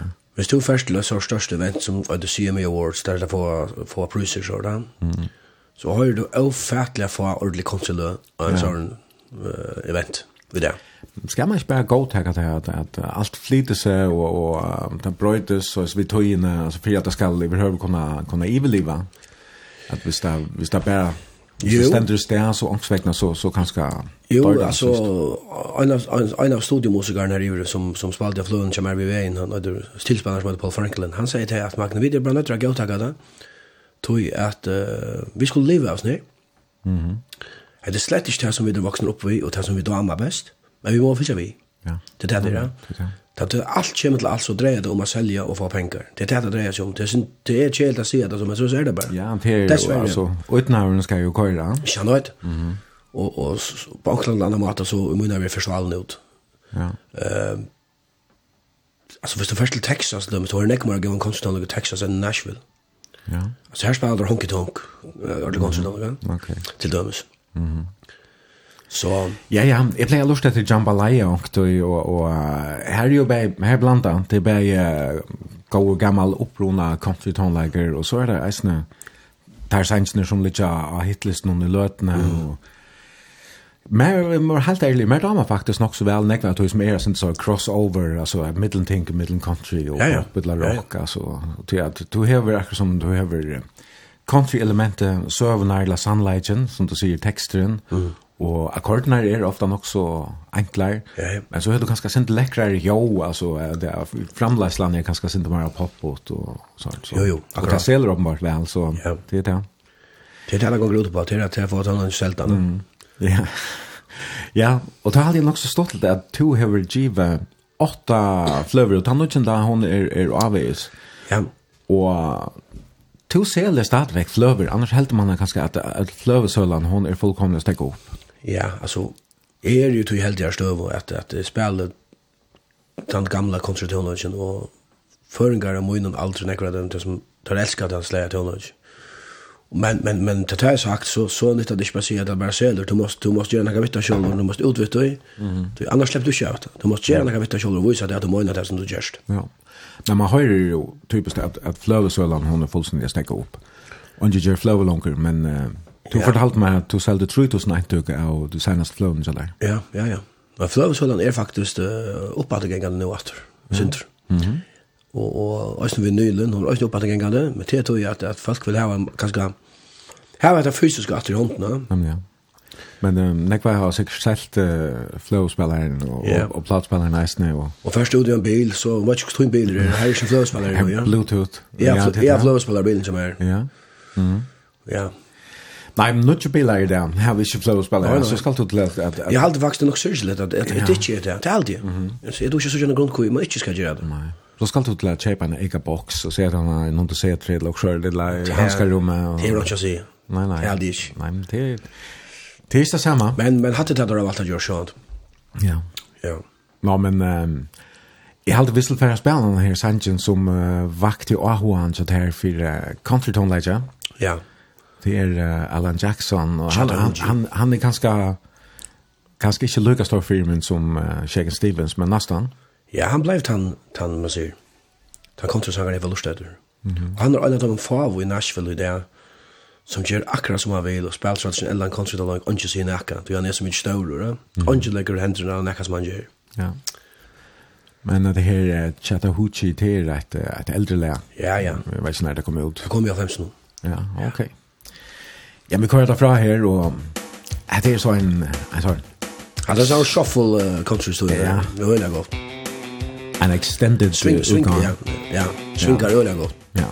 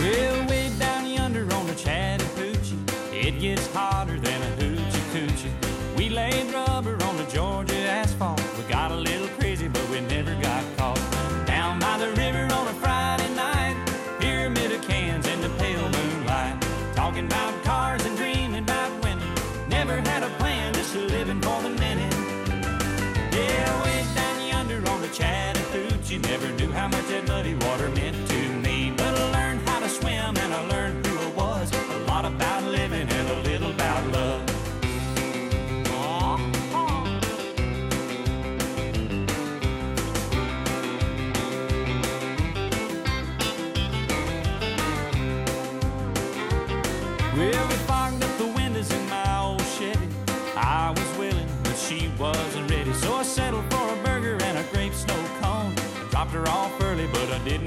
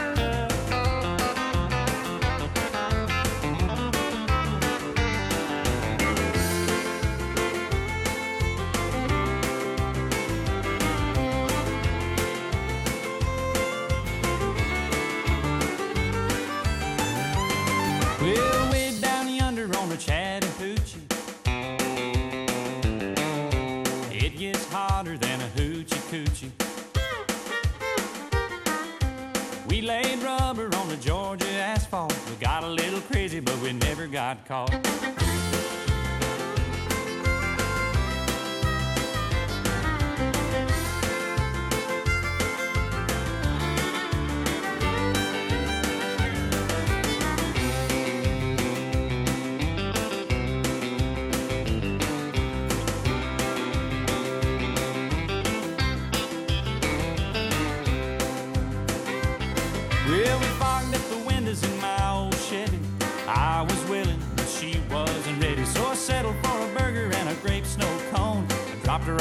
early, but I didn't go home.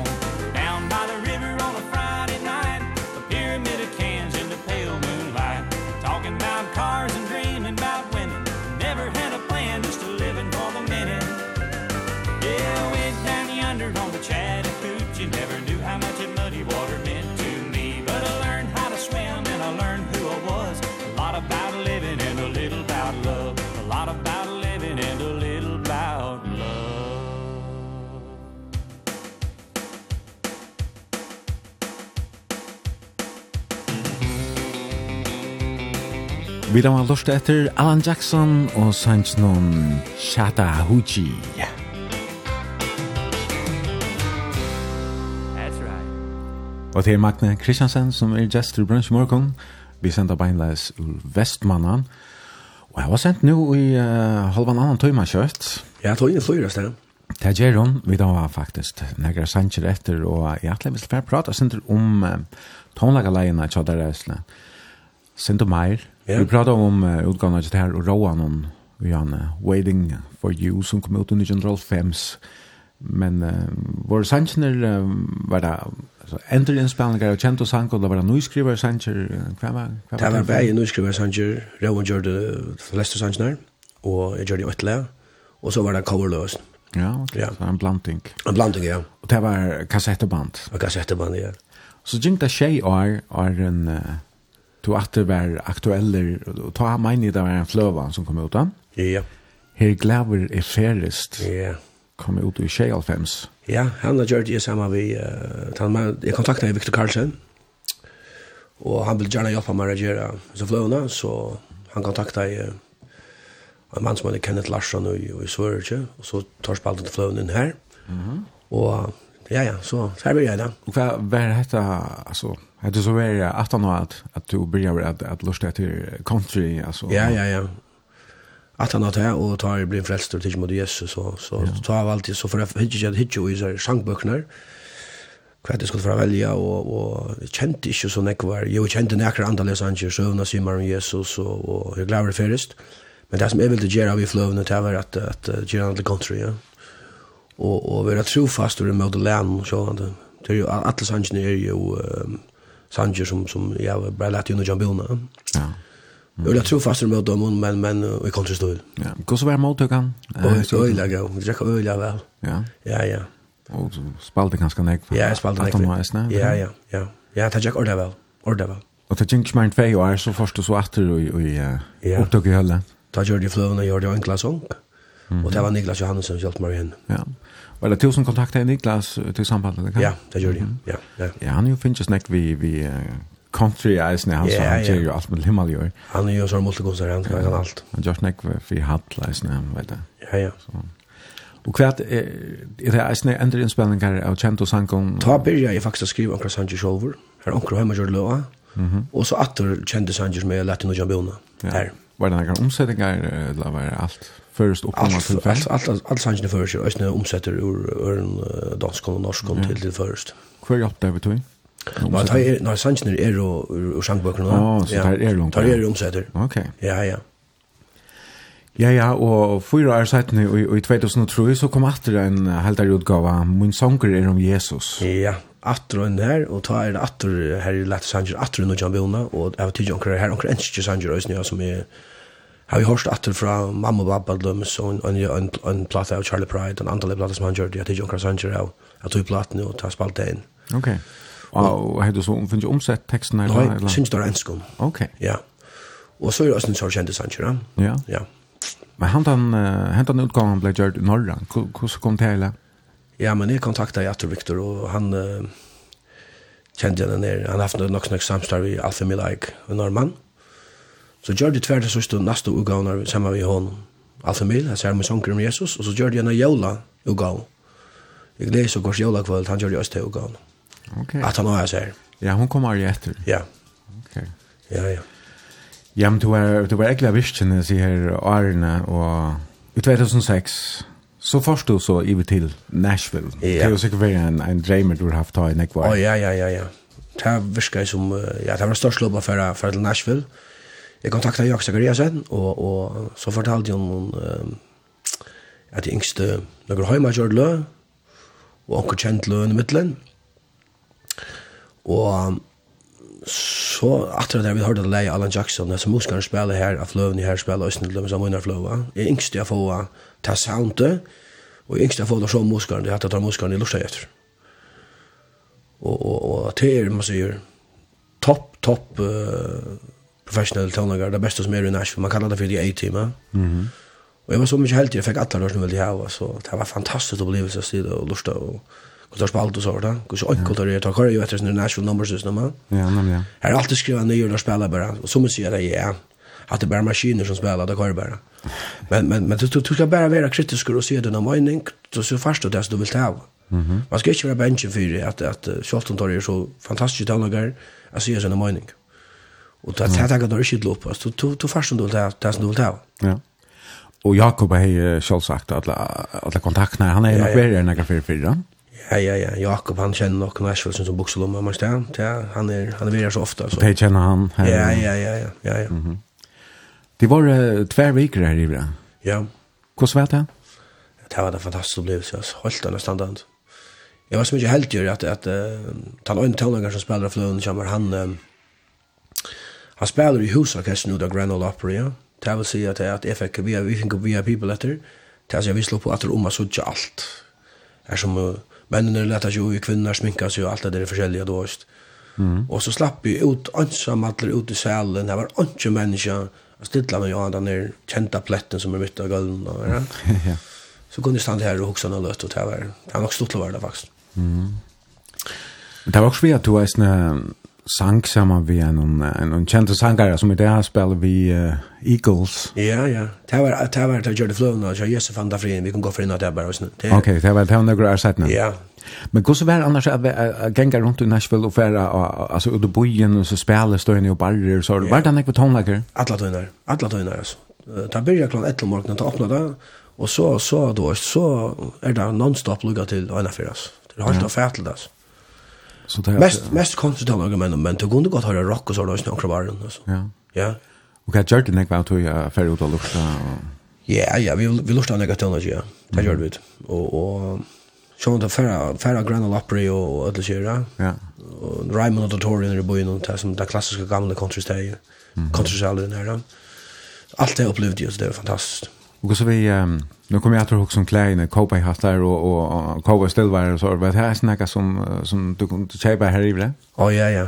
Ja ja ja. Var det här där blir ganska länge. Ja, där blir jeg da, ja. Mhm. Mm så för in i en handel uh, som säljde stövlar så jag vill aldrig säga snacka stövlar löven så hade bara så ja pura vilt altså. Ja, jag kan ju inte Og Och hattar og det var så så. Ja, nu är nu är så samlingsland i chatlinen så vi ser att det här är en little pasture och han så det där men Ja. Så ja, ja, så, så passar jeg til hva jeg kjøpte, du vet, og så, så har vi brukt det, da jeg opptrattet, du vet. Mm. Og så kjørsten der, der var vi i Frinsson og alt mulig sånn. Ja. Hvordan var det, vi jeg sånn handel noen mer, var, var, var det, var det blod mot der, da du kom inn? Ja, han var øyla blod, just det for henne. Spurte han hva det var fra? Ja, ja, han spurte hva det var fra, så sier han, eldre med over, pensjonerer over, og så sier han at det var sånne, han som åtte i handelen, han är finns en flyt alltså han Jack Harrow så jag till bara då så när det är ner. Mm. Och så förklarar han kvar varför och så säger han det var det fantastiskt säger han. Och då kommer Luke här Jenna Flow och ta och förklarar vi var väl trist tusen folk kvar. Ja. Cirka. Så säger han, ni ska göra halvan pris av ödlor som är inne i handeln. Og han måtte det, og då så, jeg kom til pilka til han nere som jeg ville ha, og jeg fikk halvan pris for det. Ok, og måtte du kjøpe ega koffert? Ja, det måtte jeg, ja. Jeg gjør det just. Så det var det alltså. Ja, ja. Minns du hur snäck det blev till? Först om kanske, alltså hur snäck var hattar eller stillar du köpte? Ja, jag köpte, alltså jag har, ja, jag har ett loppar stillvån som så han är nu. Mm. Och jag har fem hattar och så är det kyrster och bälter och allt det där försäljer då just. Ja. Og jeg brukte den här, jeg kanske ikke ut, og det er så är behärliga gängor. Ja, du kan ikke nu ställen till dagligt. Ja, det gjør jeg. Det er är otroligt behärliga gängor. Kanskje ikke når vi har hatt noen så timmar til konserter. Ja, ja. Så jeg brukte den ikke. Så det var en størst opplevelse av ferie til Nashville. Ja, jeg vil si affære, altså, bare til affære i vidt låsa, det er som affære i en film, altså. Det er så ja. ekvislet det største alt, altså. Mm. Vi får prata, man har løte for å prate om kommande utgavene, så der, hun er så ikke tidsen oppe i Nashville, ta, ja. her du, så hinvein vi i Urland, men det ja. ta venda dette til. Men, uh, to flotte ned til Danmark hvert feg år, at han har tog av, vi vegen ut, hun kom ut i 2006, og ja. til for nye 2008, og du greide fra at du spalte i kjølja nek, til tøyina, du flott i heima til 2013, men du gav allega lena en fløv ut eisne i 2011. Ja.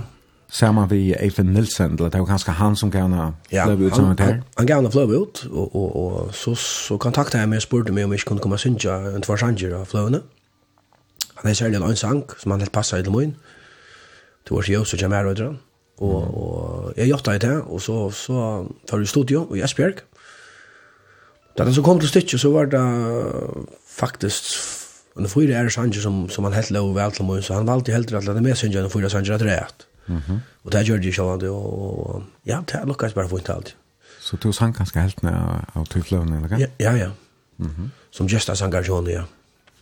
Ja, ja. Så kom ditt heim at 2013, og Det gikk så seks år år en uh, tog av tja Jesus fannet han frien ja. i 2019. Ja. Og hans affær først og så ivratter til USA, ikke til Nashville, men Asheville. Ja, jeg kontaktet jeg min gode vin, jeg Jakobsen og, og sier hva de atleger gjør, og, og ja, det var, var han klarer på båda veien, så, så han kom med meg til Asheville.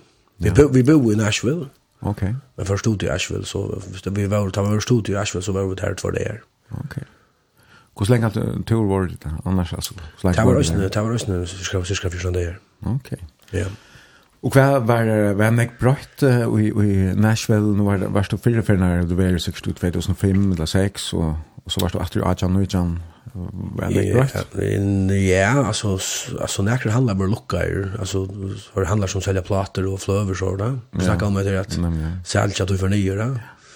Det var lucka och det då. Den ena sig handeln som var var öppen det var den gamla Ernst Top Shop som är väl att göra ja. Men men bojer den annars spel och stå allt det det var allt samma. Och så typ så så tar bara starta tonlager ett lån bar rum och kafé och ja, ja, ja, ja. ett lån Ja, nonstop alla tunner. Och och det var alltså här här som tur någon att to faktiskt uppträcka i samma vi Vanskill. Vanskill, ja. Mhm. Ja, ja, vi var åt en bar som heter Third and Lindsay. Det är en bar som är faktiskt Det en bar vi vi en en scen så här här det här var konserter. Mhm. Och här kommer nästa år när den spela och Ben Skill spalte jo i en, i en bølge som kallas for The Time Jumpers, er der spalte hver måned kveld. Og jeg tog så vi om han, så folk stod i kø for å slappe inn til det der. Han har vært kvart måned kveld som er og i 25 år. Mm -hmm. I 25 år har han vært kvart øyneste måned kveld inn i baren og lustet til noe. Ja. Så gav han være med etter steg. Så, så, men men en, en stamgester som han ja, som vill den här gången. Ja, men Arn för att spela vi vinskil syns jag så i honom så var det så att jag ser med att uh, man kan jag har ju ordnat det säger han. Vi så det hotellen. Ja. Så ser kreativ till ordna säger. Ja, jag har gjort det säger han. Så kvar säger, vill du veta det säger han. Jag själv hade vill. I andra kväll klockan 6 ska du synja samman med vinskil och time jumpers. Så säger vi, jag menar du det? Säger jag. Det var fantastiskt alltså. Og så kom jeg inn her, og så fikk jeg backstage til der, og tætje hånden av dem og alt det der. Jeg har en plate vi, en elbeplate som vi kjøpte av Tøymon, mm -hmm. og tar seg ned av en atler og så, det var det stått litt. Og så sier jeg, vet du, hva, hva sier jeg dit? Nei, to bestemmer, Magne, hva du gjørst. Vi fylgjer vi.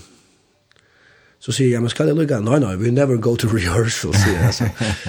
Så jeg spalte en av medlevis som kjente sangen I'll Fly Away, You're My Sunshine og Jotla, så tar spalte bare vi. Det samme bare. Ja, fullt tre gassan, da rukka seg bare, ja, ja. Så jeg er virkelig stort til å være, altså. Og så begynte jeg å synge, og Vince Gilder er en av beste, da jeg kommer til å synge Kaur, er en av beste i Nashville. Så han sang Kaur, med det var fantastisk, altså. Jeg var så her, stjøttene som sett millioner av oss at platen, så jeg bare sang vi med, det var virkelig stort til å være, det, altså. Ja, jeg kjenner han ikke noe særlig vel, men, men jeg vet at han uh, spiller vi Eagles ja, ja. i det, ja. til, til alle de sier sin Ja, ja. Da skal man ha format. Ja, ja, fantastiske løtøver han, og fantastiske gitarrister, oss. Mm. Ja, ja. Att det var altså i 2019 at du gav hessa platen ut. Ja. Två år sedan så kom uh, Helt Glavre Ferest. Ja, 19, ja. Ja?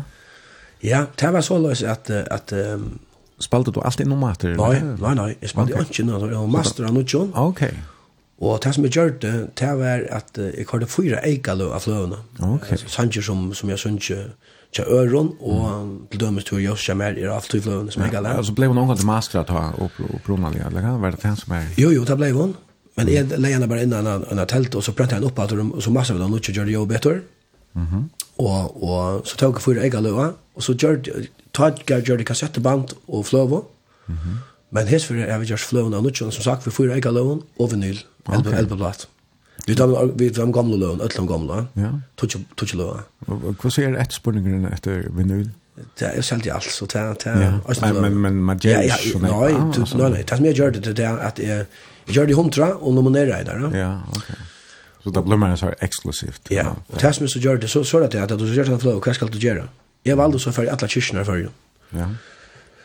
Og det var nok så, jeg åttan at hitje etter hvordan jeg kyrkje var i fyrjun, så så jeg, jeg er ferdig kyrkene i Førje, og så tar jeg det herfra. Så får jeg googla, kyrkjan.fo, og her var øyne og trus kyrkjer, så jeg, ok.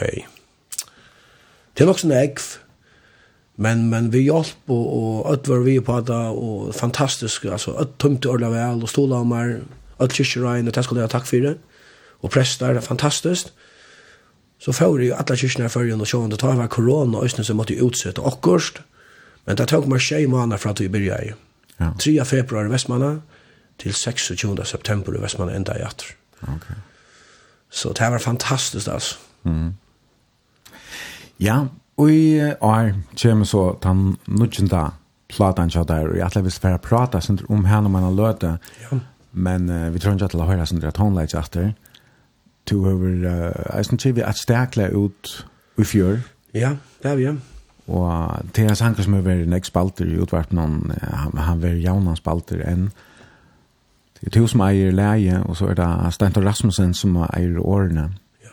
Det har vært greit fra søvn om at uh, Sankeren er uh, skriver til minnes om Sjur Jakobsen, ja. og annars uh, snurrer han seg om svinøtene. Ja Hvordan kom alt det her i land? Det som er, det var at jeg spalte til et, et tiltak til Bakkafrost. Det var så fisket der i Nestrødene. Mm. Og jeg møtte, møtte opp her, George Klarst og alt det der. Og det som hendte det er at jeg møtte en høyland tøyma for tullia, og han ikke klokkene.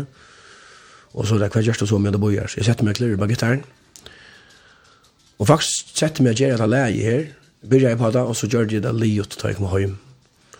Og så huksa jeg, hvor kan gjøre en tekst til henda sannsyn eller det lei.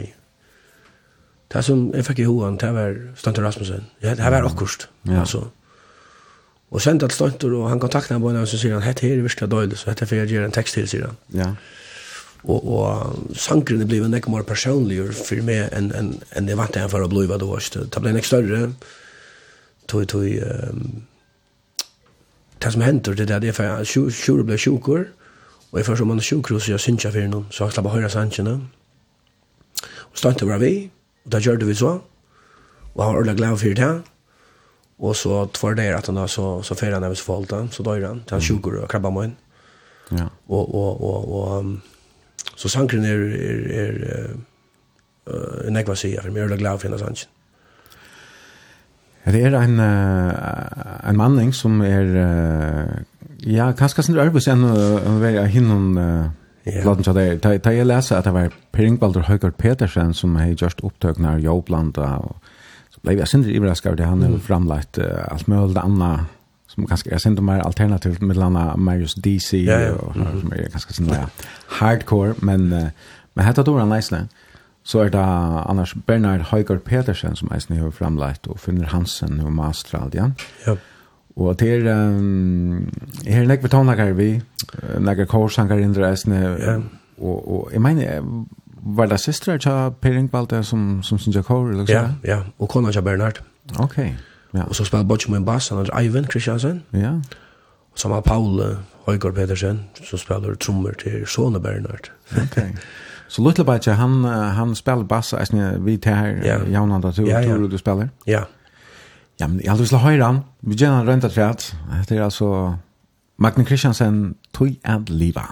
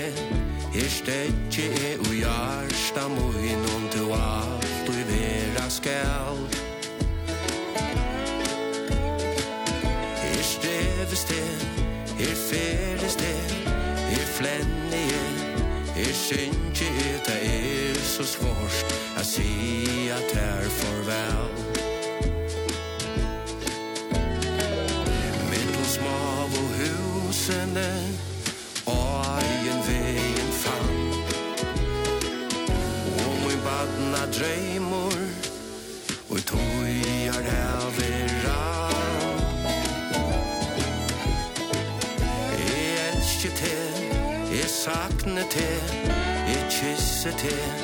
I fevnet til du erst mot sorg.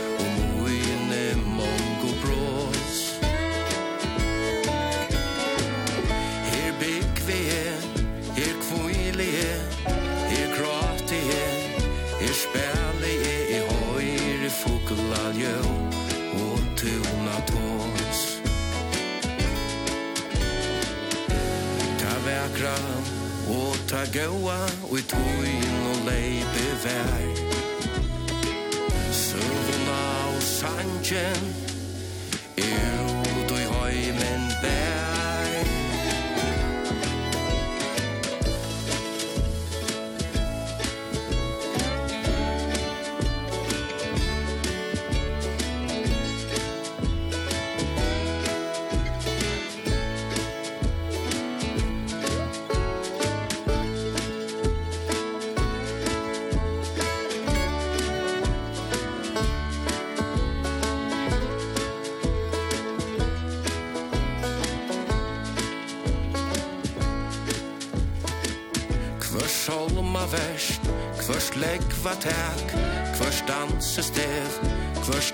Herre, tack for dævor Og i gåon om de la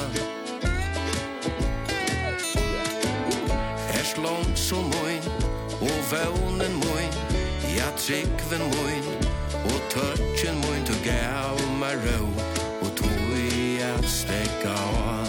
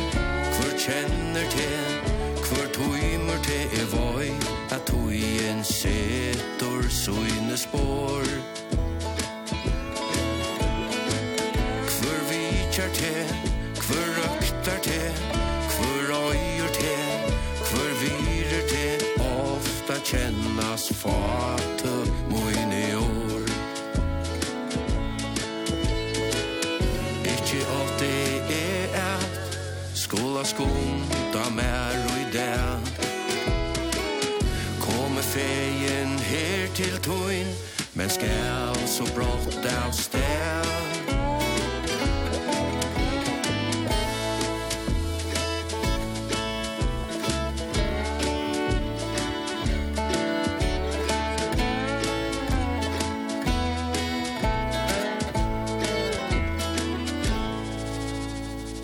Vi tar da Magna Kristiansen, dagsens gest, sinja tøy at liva. Magna er sjolv leie til Sleintor Rasmussen, som har skriva årene.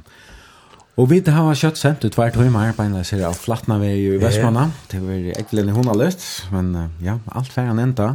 Ja. Vi har lokal, vi har nærkere minutter etter. Vi har atlevis for å prate sent om kommande utgavene til deg. Ja.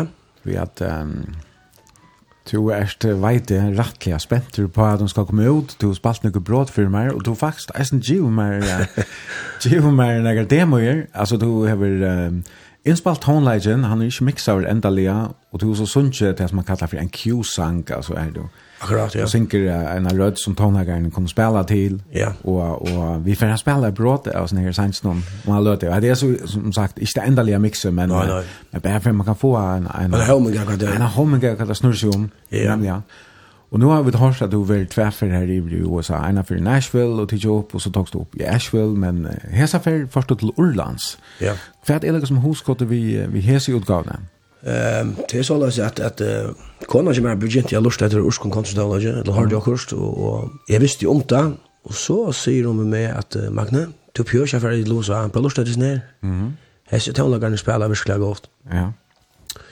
Personlig ikke at han fyrir? Nej, så fyrir och vad ska jag säga som är att det blev ordliga Bertigen av, av maten jeg spalte på. Så tar jeg øyelig tro fast til motor. det er samme som amerikanerne gjør, Och da bruker jeg også Nashville Number System og där det. Ja. Men, så så gjør jeg til at jeg kontakta jo en som heter Wayne to Rose, fortalte hun hva til atla igjen, Og henne fløven er som jeg har gjort nå, til en fløve jeg har drømt om å i 20 år. Ja, det er nemlig at det er inneholdt det, som det er ja? Ja, og til, til, til gamle country-klassikere. Og, og det var ikke, tar handel om, om løyve og om dagligdags det og alt det som hender her i snøym. Ja. Og, og Så här er är sanger som ångsväckna har avvirka till Jörgen Löwe, är det inte? Jo, det har det gjort, nekvar av dem, jo. Så jeg kontakta han og fortalte henne hva de atla, så sier han, du skal være hjertelig velkommen. Og hva, hva atla du, sier han så? Ja, jeg har 16 sanger som atla for innspalt der. Ja, men det gjør jeg. Så sier jeg, nei, nei jag hade fått får alla muskar i en studio så hukte jag efter ner då. Titta gav vi här flöver så kan det inte ett spelare blön, känner du? Ja. Och så säger inte han tar han tar han tar tonlagen, tonlagarna spelar. Så säger han, men vilket är skulle så där? Vi ser en och en spelare, så jag men vill inte ha. Jag vill ha alla som män i studio spela. Okej, säger han. Det ska jag prova kanna, sier han. Och då gjorde han så. Mm. Och så kontaktade jeg mig efter noen dager, så sier han, man kan inte ha problem. Ta vill alle komme i studio og spela og og då var det så så fram färdig studio och otroliga blöjor och fitter och og och där är det ju tilltänkta för att vara att blodfolkasla och det er det det er det er det är man bara stäfast mhm Så sier bassspilleren vi med at jeg spalte alle en magna, vet du hva? Nå komst du vi forskjellige inputene av denne sangen her. Hvis du ikke gjør det til nå, så er du slett ikke spalt han så løs. Nei. Det er ikke åkne brøyta ved til iPaden og du har spillet til systemen. Du skal bare si hva du vil ta, va? Mm Annars er det nek betre å sitte alle tøvnlager spela live inn til nek betre. Ja, ja. Så lås kom det gangt, og så vi tatt en, en god ferie, vi tatt en vinner per vi og løsne. Og så vi var her i, i uh, första dagar och hugga och kunna göra landet där verkligen då alltså. Jag kan umedla mig kanske omkvärva så du bojar eller så var över sig här ända var i Nashville. Ja ja ja ja, det håller över sen ja. Ja ja. Så kanske kanske mer mer fler lite eller vad? Det var faktisk ordentlig redan, ja. ja. Vi var ju en boi, han var så stor, han kallas för Atlon, han är uh, har en annan tog imot, han för Dublin. Ja, okej. Så det var ordentligt gott faktiskt. Nej, den här utgåvan är rättligen sammansatt. Alltså här är det öland ekver country sanger, country klassiker, Ja, men så är det nästan onker uh, döms uh, The Beatles, I've just seen a face, ja. som är mer en, en rock'n'roll sanker. Footloose. Ja. Det er är virkelig en country sang. Det är rockar, ja. Men har du gjort den så i country, eller? Ja, jag just den faktisk øyla med original alltså faktisk. Alt er där vel han sang så så at det er ungdommerne. Ja, nemlig, ja. Så jeg, jag valde at, att att ta kan vi og... Men jag kan gänga det där runt det ska country alltså gammal gammaldags country så kan säga det så och traditionella country då.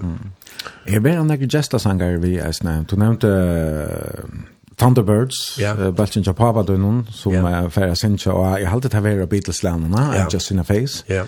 Men uh, det var resten i vi, ja, og... og... Ja, Hadler jo, synes jeg, synes jeg, en klassiker som er Haggar sammen med meg. Mm Og så råkner vi, det var kona som er, synes jeg, den klassikeren som Don Williams, You're My Best Friend. Ja.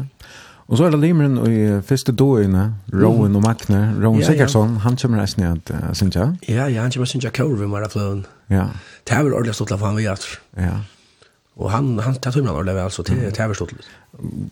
Kan du äta kvann sankt i för ja samman. Är det en av dem som de sjönk över vi var då eller kan? Ja, ja, ja, här är det alltså vi kan även några sancher där.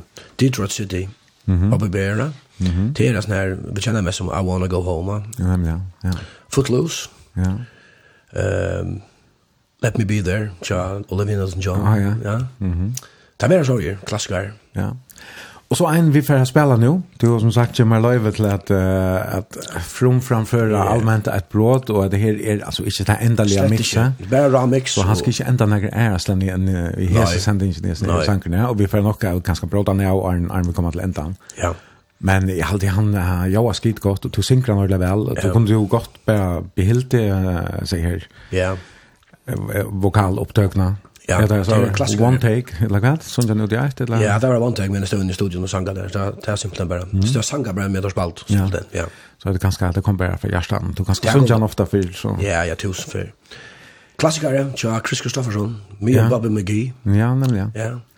Platan, hon kommer eita I'm Just Me. Ja.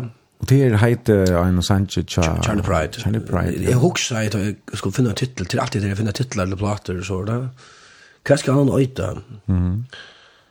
Hvor er Magne? Han er, er bare det. Altså, er det, du vet, pura nere i hjørnet, og ja, ja. så helt til han litt passer ikke godt til meg. Vi får altså at a Jeg brått av sannsjonen her etter av kommande utgavene I'm Just Me vi Magna Christiansen sangren Bobby Mackie.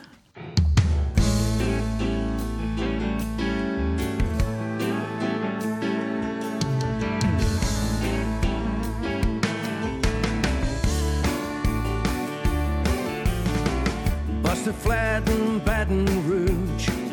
Headed for the trains. I'm feeling nearly faded as my jeans. I pop a thumb of diesel down Just before it rained. Took us all the way to New Orleans. I took my harpoon out of my dirty red bandana and was blowing sad while Bobby sang the blues. With them windshield wipers slapping time and Bobby clapping hands we finally sing a every song that driver knew. Freedom's just another word for nothing left to lose. And nothing ain't worth nothing blood is free. Feeling good was easy, Lord, when Bobby sang the blues. And buddy, that was good enough for me. Good enough for me and my Bobby McGee.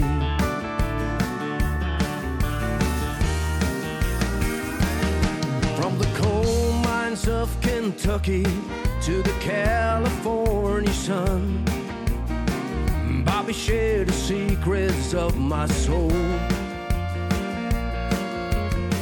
Standing right beside me, Lord, true Everything I've done.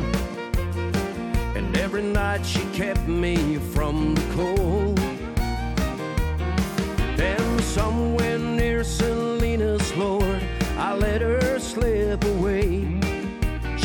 looking for the love I hope she find. Well I trade all my tomorrows for a single yesterday Holding Bobby's body close to mine.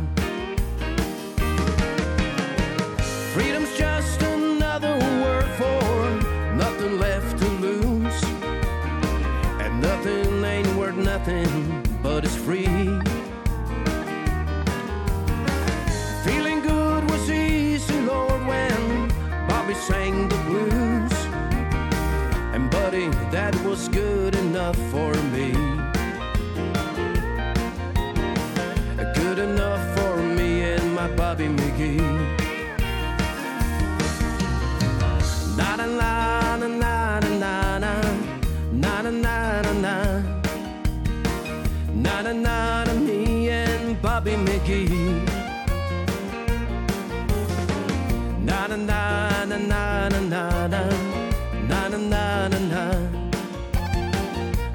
nine to me and Bobby McGee.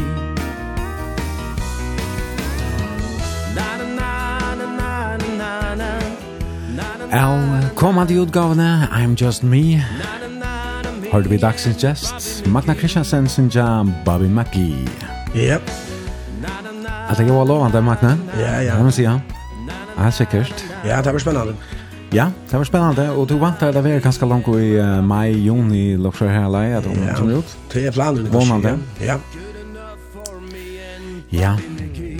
Men um, vi da har pratet sånn om, om det, at du erst en serie virkelig vi, uh, vi tonelage, du spiller Next Live, er ja? Ja, ja. Next ut da. Og selv Next Flowers, du hva kommer den her ut som uh, plata, er det vinyl, eller hva sa? Ja, ja flöva och vanilja. Ja, inte ska inte ska sätta på hand eller gå. Nej, det var ikke. Han tog in ganska färgen. Ja. Men uh, Magne, her uh, kom der en her rikvi av halsa nå. og hvis vi skulle få stunder til å lese nekker av dem, så hadde vi for å begynne. Ja. Og um, her er en som skriver uh, Maxim Sankren Julie, Goar Dansenater. Ja. Man eiga dansetrinn i perdanse vera et Shaken Stevens. er skriva som du brått om Go Starsfelleie, helsan en fyrvjente Starsfelleie som elskar å dansa. Ein helsan ur Husavøk, takk for goa løter, god signe til Magne. Jeg vet ikke om du har familie eller samband til Husavøk her? Jo, jo, jo, jo. Det er jo kjærlig å prate sånn om. Jo, jo, jeg har familie og samtidig nødvendig, jo. Det er vi. Ja, ja. Takk for det. Vånande var det nemmere søte sier som Manchester United i finalen i morgen. Ja, vånande vil det det. Køyra Newcastle, stendur her. Halsan grannen. Nå, no, ok, ja. Han bor på en nere, så han er øl i Newcastle, ja. ja. Det var finalen i morgen mellom Manchester United og Newcastle. Så er det en som skriver, hei Magne, kan du fortelle Sinter om vestkamper? Å oh, ja, ja, det nevnte jeg ikke. Det er en balker som uh, jeg spalte sammen her i Vestmannen. Okay. Att jag gäst som spelade vi, vi spelade Negv till dans. Och, och faktiskt ja, vi hade Negva gör så det var det var ordentligt ordentligt stort lite alltså. Ja, vi var vi här. Jag var en av de som hade Anton Jakobsen spelade trummor. Så var det är och Ingrid Klein Olsen spalte vi her. Det bästa jag spelade. Ja, okej. Okay. Ja, Big Johansen var det en. Mhm. Mm så ja ja, Faktisk det er godt dansorkester heldig. Altså, vi spalte... Vestkamper. Når var stor historien til Balsan? Ja, det var 18 og 15 år, for 15 og 15 år. Ok. 18 år, du har spalt sammen med Rowan? Ja. Ja, og vi spalte du etter det der. Alle Shaggy Stevens og Cliff Richard og Elvis, alt det der, du vet. En annan skriver her, deilt av Lorstedt der, Margo Magne. En annan så alt har høyret det. Så hun alltid høyre det makna i bransj i morgon, vid i Gottarmskøpere. Gottarmskøpere er jo heppen at hava te og Elsie som trofasta viner. Og takk for det, Gavan. Ein little helsan fra helst størsta og yngsta fjepparen som sitter og lortar vin til hvert cool magne. Ja. Ja. After her United. Helsa magne og si at nu er jåsar tøyer uh, for United og skårar. Ja. Yeah. Magni er så lykka til fitter og lydladen, djev sær stunder og hoa snekk opptidgen, så får vi bare vidja Edelsheim og Eldrabulje i Vaje. Takk for mm. vinnerlega Magni og Elsi. Ja, takk for det. Eh, så er det en annan som skriver her i går morgen vinneren. Fralegger kårleiere, vi uiblåster ur badnageren. ja. Eh, en annan er eisen her... Um, Allt jag har varit att höra Magna, gleder och til å høre det til brunch, frutjamorgonen av Dansebandsfestivalen. Ja. Yeah. Hej til Bayer, en deilig sending. Magni er svavumun, så vidt han nekk var abedja et valsikna menneske og super entertainer av Hadle.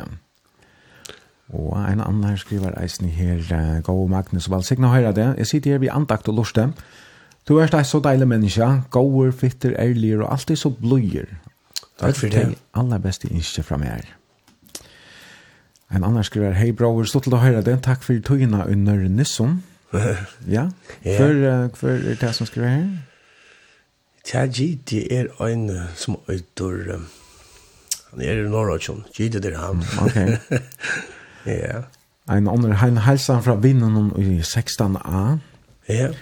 Så er det en i rocken vi kan gjøre hva heter, Hun skriver her, «Nu måtte jeg bia Viktor stekka vi å spela fløver og klaver til tevelig høyra».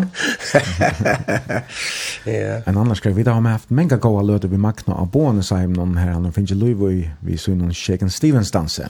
Ja. det var stått til du nevnte Fools, tog Paper Riley, Willem Petersen, spalte bass i Fools. Det kan jo. Ja, ja. Mhm. Mm ja. Yeah. Rannan, aftur her, ein lydel helsan fram til Magna fra einon han neivan minnest aftur. Jeg var spentur på om han måtte minnast aftur at turen vi smyrli i 1996, då han sildi til Aberdeen. Jeg spalte harmonika til dansen ombord og kom i gåa selskapet til Magna og einan vimmane. Jeg lant jo noen 200 kroner i samband vi at han skulle kjeipa eina heilt unika fløvi i Skottlandet.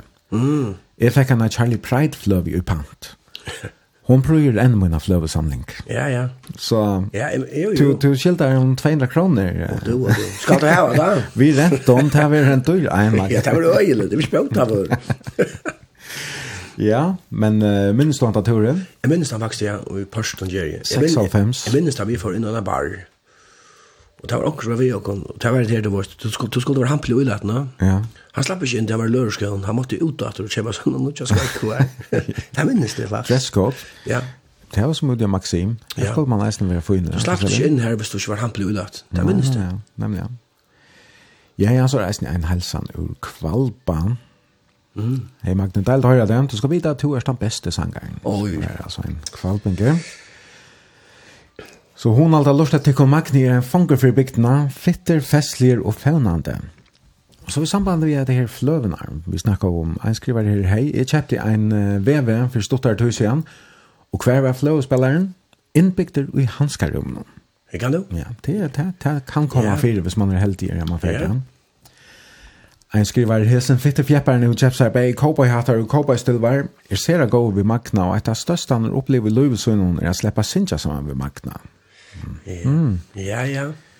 Jeg vet ikke om det er. Nei, det var det. Men her er øyene hver helsaner, jeg vet ikke, vi skal bli vi bare. Jeg kan ikke snakke, jeg kan ha snakke minutter. Magni er en fantastisk sanger, jeg synes kona synger så vel, og så er det bare så fritt. Jeg gleder meg til gospelturen. Og det er vi nå høstdagen, ja. til første av i Norrøne. Høstkveld klokka åtta for høst, ja. Ja, er det en fast vi? Ja, det råkner vi, og, og hvis du, jeg ser det så, hvis du ikke kjøper billett, så skal du kjøpe det billett, så atlader du, det blir godt over, åpenbart, som det ser ut. Mm Ja. Ja. Jeg burde komme sent bransjbæren nästa leia med noen bor. Det borde, ja. Du finner ikke nekk å prate. Ja. Jeg skriver her, Magni er en løsglad personer. Han er som en hundravallspera, da han kommer inn i en forsamling. Rommet blir så gjøst. Og misjonshusen i Vestmanna er han og Elsie Alida. Ja, her, her brukar ditt nekva løter, da? Ja, ja. Vi standa for misjonshusen i Vestmanna, så ja. Jeg er for nekk tog, ja. Mhm. Mm Ja, at det är en en en hälsan magner så starkle fitter och agrut mauer vid Jarsta og sted, som läs konan så Elsie. Det er så offer till Scholboy Jasper arbete. En annan til å høre Magne Morgon. Älskar å være til konsertsjonen. Vona det kommer du kött at det store har konsert i salt. Takk for god sending og alt det beste til Tickon. Og så er det en som skriver her, jeg leide til sånn her sms om, de også vil lykke skulle prate litt rundt det. Vi kommer til å skrive her, takk for at du sangst i Ødlund kyrkjen. Særlig skal ta ha takk for at du eisen sang en Shaken Stevens sang i huset kyrkjen. Og det var nemlig at når du sett der fire, var det fjør eller fire her, at du skulle fære Sintja i Ødlund kyrkjen og følgende? Ja, ja, ja, jeg sett var det fire, at, at Du vet att du gjør denne fløve ut så så är det til och hvordan så först du eller kvar skal du spela eller kvar kvar du promoverande som man säger. Mm. Och så valde jag att uh, jag säger det. Ja, jag hade färdigt alla kyrkorna för ju. Och hur glad färslån var ju utställt uh, alltså det är snäpp år sedan gav han ut så jag säger det är snäpp jag sancher och båskapen är den samma. Och så kryddade han när synte vi örn i sankon så så får det synte rätt rätt. Och så valde jag pränta upp hator. Och så valde jag färdigt alla kyrkorna för ju. Mhm. Mm ja. Hvordan komst du alle med rundt? Jeg kom alle kyrkene for ja. Ok. Det tok meg tjej måneder, og det var en fantastisk opplevelse. Mm -hmm. Blodskapen, ja, det er ikke årfyrt, og så blod folk var, og vel med tydsen alle stedene her som før, ja. så det er... Og Charles Shaken Stevens slapp fra meg? Ja, det var, jeg sang faktisk, ja, jeg sang Shaken Stevens. I husa kyrkje? Ja, husa kyrkje, og Voik og Kotlafyr, jeg minnes det. Og han sier vi med at, at, at en av kyrkene, jeg skal ikke få nevne noen navn eller noen såret, så sier han, hva han hånden opp, så sier han, til, altså nå er det givet jeg kun antallige føje, og vi får glæde ut etter, og, og to bo av Jesus, Uh, Kan du ikke spille en kjeggen Stevens for dere nå, så vi får smøylemånden i øyne i armen for vann kaffe? så sier jeg, hoksa jeg ved meg selv, og jeg, altså mener du det som du sier? Sier jeg, jeg mener det som du sier så sier vi, vi følt til kyrkene, uh, hvis det nekker her med å jeg at det synes jeg ikke Steven skal ha hånden opp. Ja. Du, hvis det bare er en som har hånden opp, så gjør det ikke. Jeg tror ikke jeg sløyde nekker Det var andre som gjør det til, og det som gjør det i kyrkene til det, det sang uh, Marie Marie. Ok. Ja, men altså, hvor ikke? Som en enda sang bare, det var for smule mann på. Ja, ja. Da jeg bo av båskatten med Jesus og alt det. Mm og terka i ordentlig vel. Hatter hatter det du vet vi at at du ut som kassa när du kan skal gjøre det. Hade en konsert. Ja. Så det gjør det. Ja. Her er flere helsene rett rett. Um, jeg skriver Binskill, vil røpte The Mayor of Nashville, mm. så det av og verste lorsta. Så en annan som har sett henne hälsan fra Alex Senting. Jag har fyllt magna lugga sig an Mr. Spaceman till nu. Oh ja, det var jo Rowan. Ja, til spalte han. ja. Glöm till konserten og 18 mars. Ja. Hva er hon? det er en countrykonsert som er i luftene. Her er med Sintja og Blått Græs, og så en amerikaner som heter Justin Terry. Det er en country-konsert. Okay. Ja. Ja, ja, her er uh, nekvar halsaner at skjæt, Magne. Ein skriver, hessa fløvene skal i hava vannande gong det vel framiver. Mm. Og uh, så er det nekvar Manchester United-fans som halsa der, og så er det var turvittar i Manchester 2018. to er ja, vi halte to flere færre eina fra Moar, hos vi er iver at hitja til Ja, det er eina færre eina fra Moare, ja, det er eina, det er utrolig stått litt, at det er att färra alla för att städa då och så så snack folk och så alla det här var det samma resten alltså det var bli stort där. Ja. Nå, nu tog jag en tjocken allvarlig vek en gång undan. Men uh, annars så er det onker som er spørst det om uh, Bime bimespyrjade om du er på 8 trus fjeppare. Jeg ja. skriver her stortligste møte, jeg vil tilvære en av 70-50 noen til et ungdomsmøte i Gøte. Her danser jeg makkene med en annan til Shaken Stevens, og så er han næsten by 8 trus fjeppare. Ja, ja, det er det. Ja, ja. Mm -hmm. ja men hvor ikke? Magne, vi kunde ha tås om om nekva annat fjärd konserter, festivaler, allt möjligt annat spännande som du upplever att här får vi det stunder till. Tog ju hon simpelthen färre nu. Ja. Du så valgte vi skulle høre en sang vi Alex Berensen. og jeg også, jeg vil han kanskje eisne være okkur som en som har givet der utblåst, han berge synger country, og han synger eisen kristnan, andre ja. om tonleik, eller sang. Um, det var så att det er band här som øyder enn minnest. Det, jeg minnest ikke når det kom ut, men det, det bandet rørte vi med andalig, altså, jeg, altså det, han sankeren gjør det okkur vi med, jeg minnes det, jeg vil kjips, så kom atter, og, og, og, og så jeg må kom etter meg, og Elsa kom etter meg, og jeg var for elska over, og alt det der er godt, og så jeg Elsa atter, og det bandet spalte i bilen, det minnes det, og jeg, jeg satt der og jeg fikk, altså, jeg ble vi høyre sannsyn av tekstene, og da rørte vi med, ja, mm -hmm. ja. og, og, og, og, altså, det gjør det noe ved meg, og det denne sjankeren er særlig gøy i henne sannsyn, og han, han sier meg utrolig han ikke. Og... Vær Alex annars en, en firmynt uh, på den måten? Ja, ja, så, som, som sankare var han helt fantastisk, altså. helt mm. en standande kontrasankare. Ja. Gøy rødt. Og jeg hadde alle fløvene som han har gjort, altså særlig han her og, og den badna minnet av fløvene, platan. Ja. Det er øyelt, det er gøy alltid. Ja. Och när så fick jag tacka där för blushkap och det kommer komma vidare det här av flattna med det smalt där. Har hon alltid kom för bojan till Ryssland då eller? Stark hon alldeles. Ja, ja. många tack för era läckra morgonmat. Jag var gackens där. Så jag tackar för alla vi människorna här och hälsarna här som är komna till och nice sms chipan på Facebook. Ja. Hetta var altså brunch hesa for Jester Ver Magne Christiansen, jeg er det Efen Jensen, og bare at vi brunch og nudjon Jester kommande leier der klokkan 5 minutter i vitutjen. Takk til oss som torsdag, og godt vikeskiftet.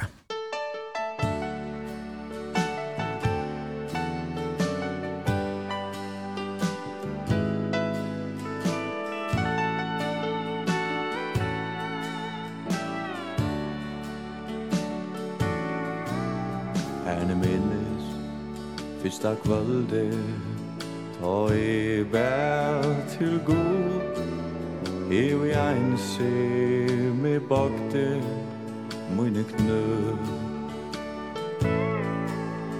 Men vine Og stod leitjen oi hese ved Hava drie Mer langkost fra tær mer lunges at liva mot lui ein så fyr Tøy luder Ui samband vi harra Gode orskir Vai longur Estrujas Lai me atur Til gott. lei me atur til stæje her vid møttur Tær vårs myskre og låntjurnar lån Tui er orskir ei langur astrujast Lei me atur til gott.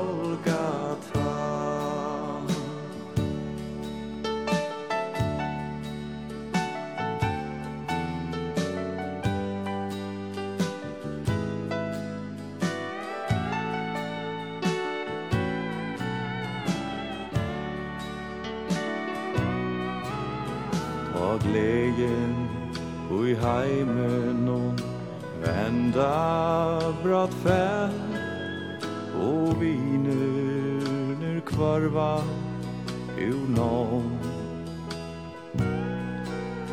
Vi sider så eina og nåt fædler av gode grater og i bie hom jag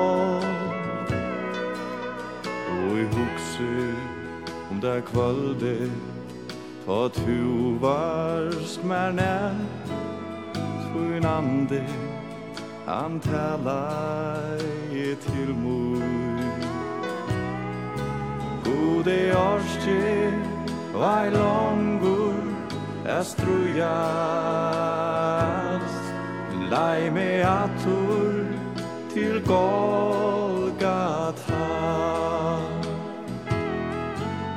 Lai meg atur til stegi Her vid møttus Tæg bort myskri Og longjurnar lors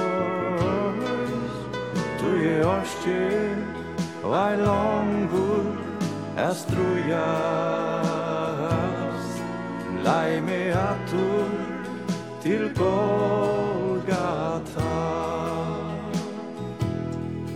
Tui he orsti Ein longur Estrujas Lai me atur Til gott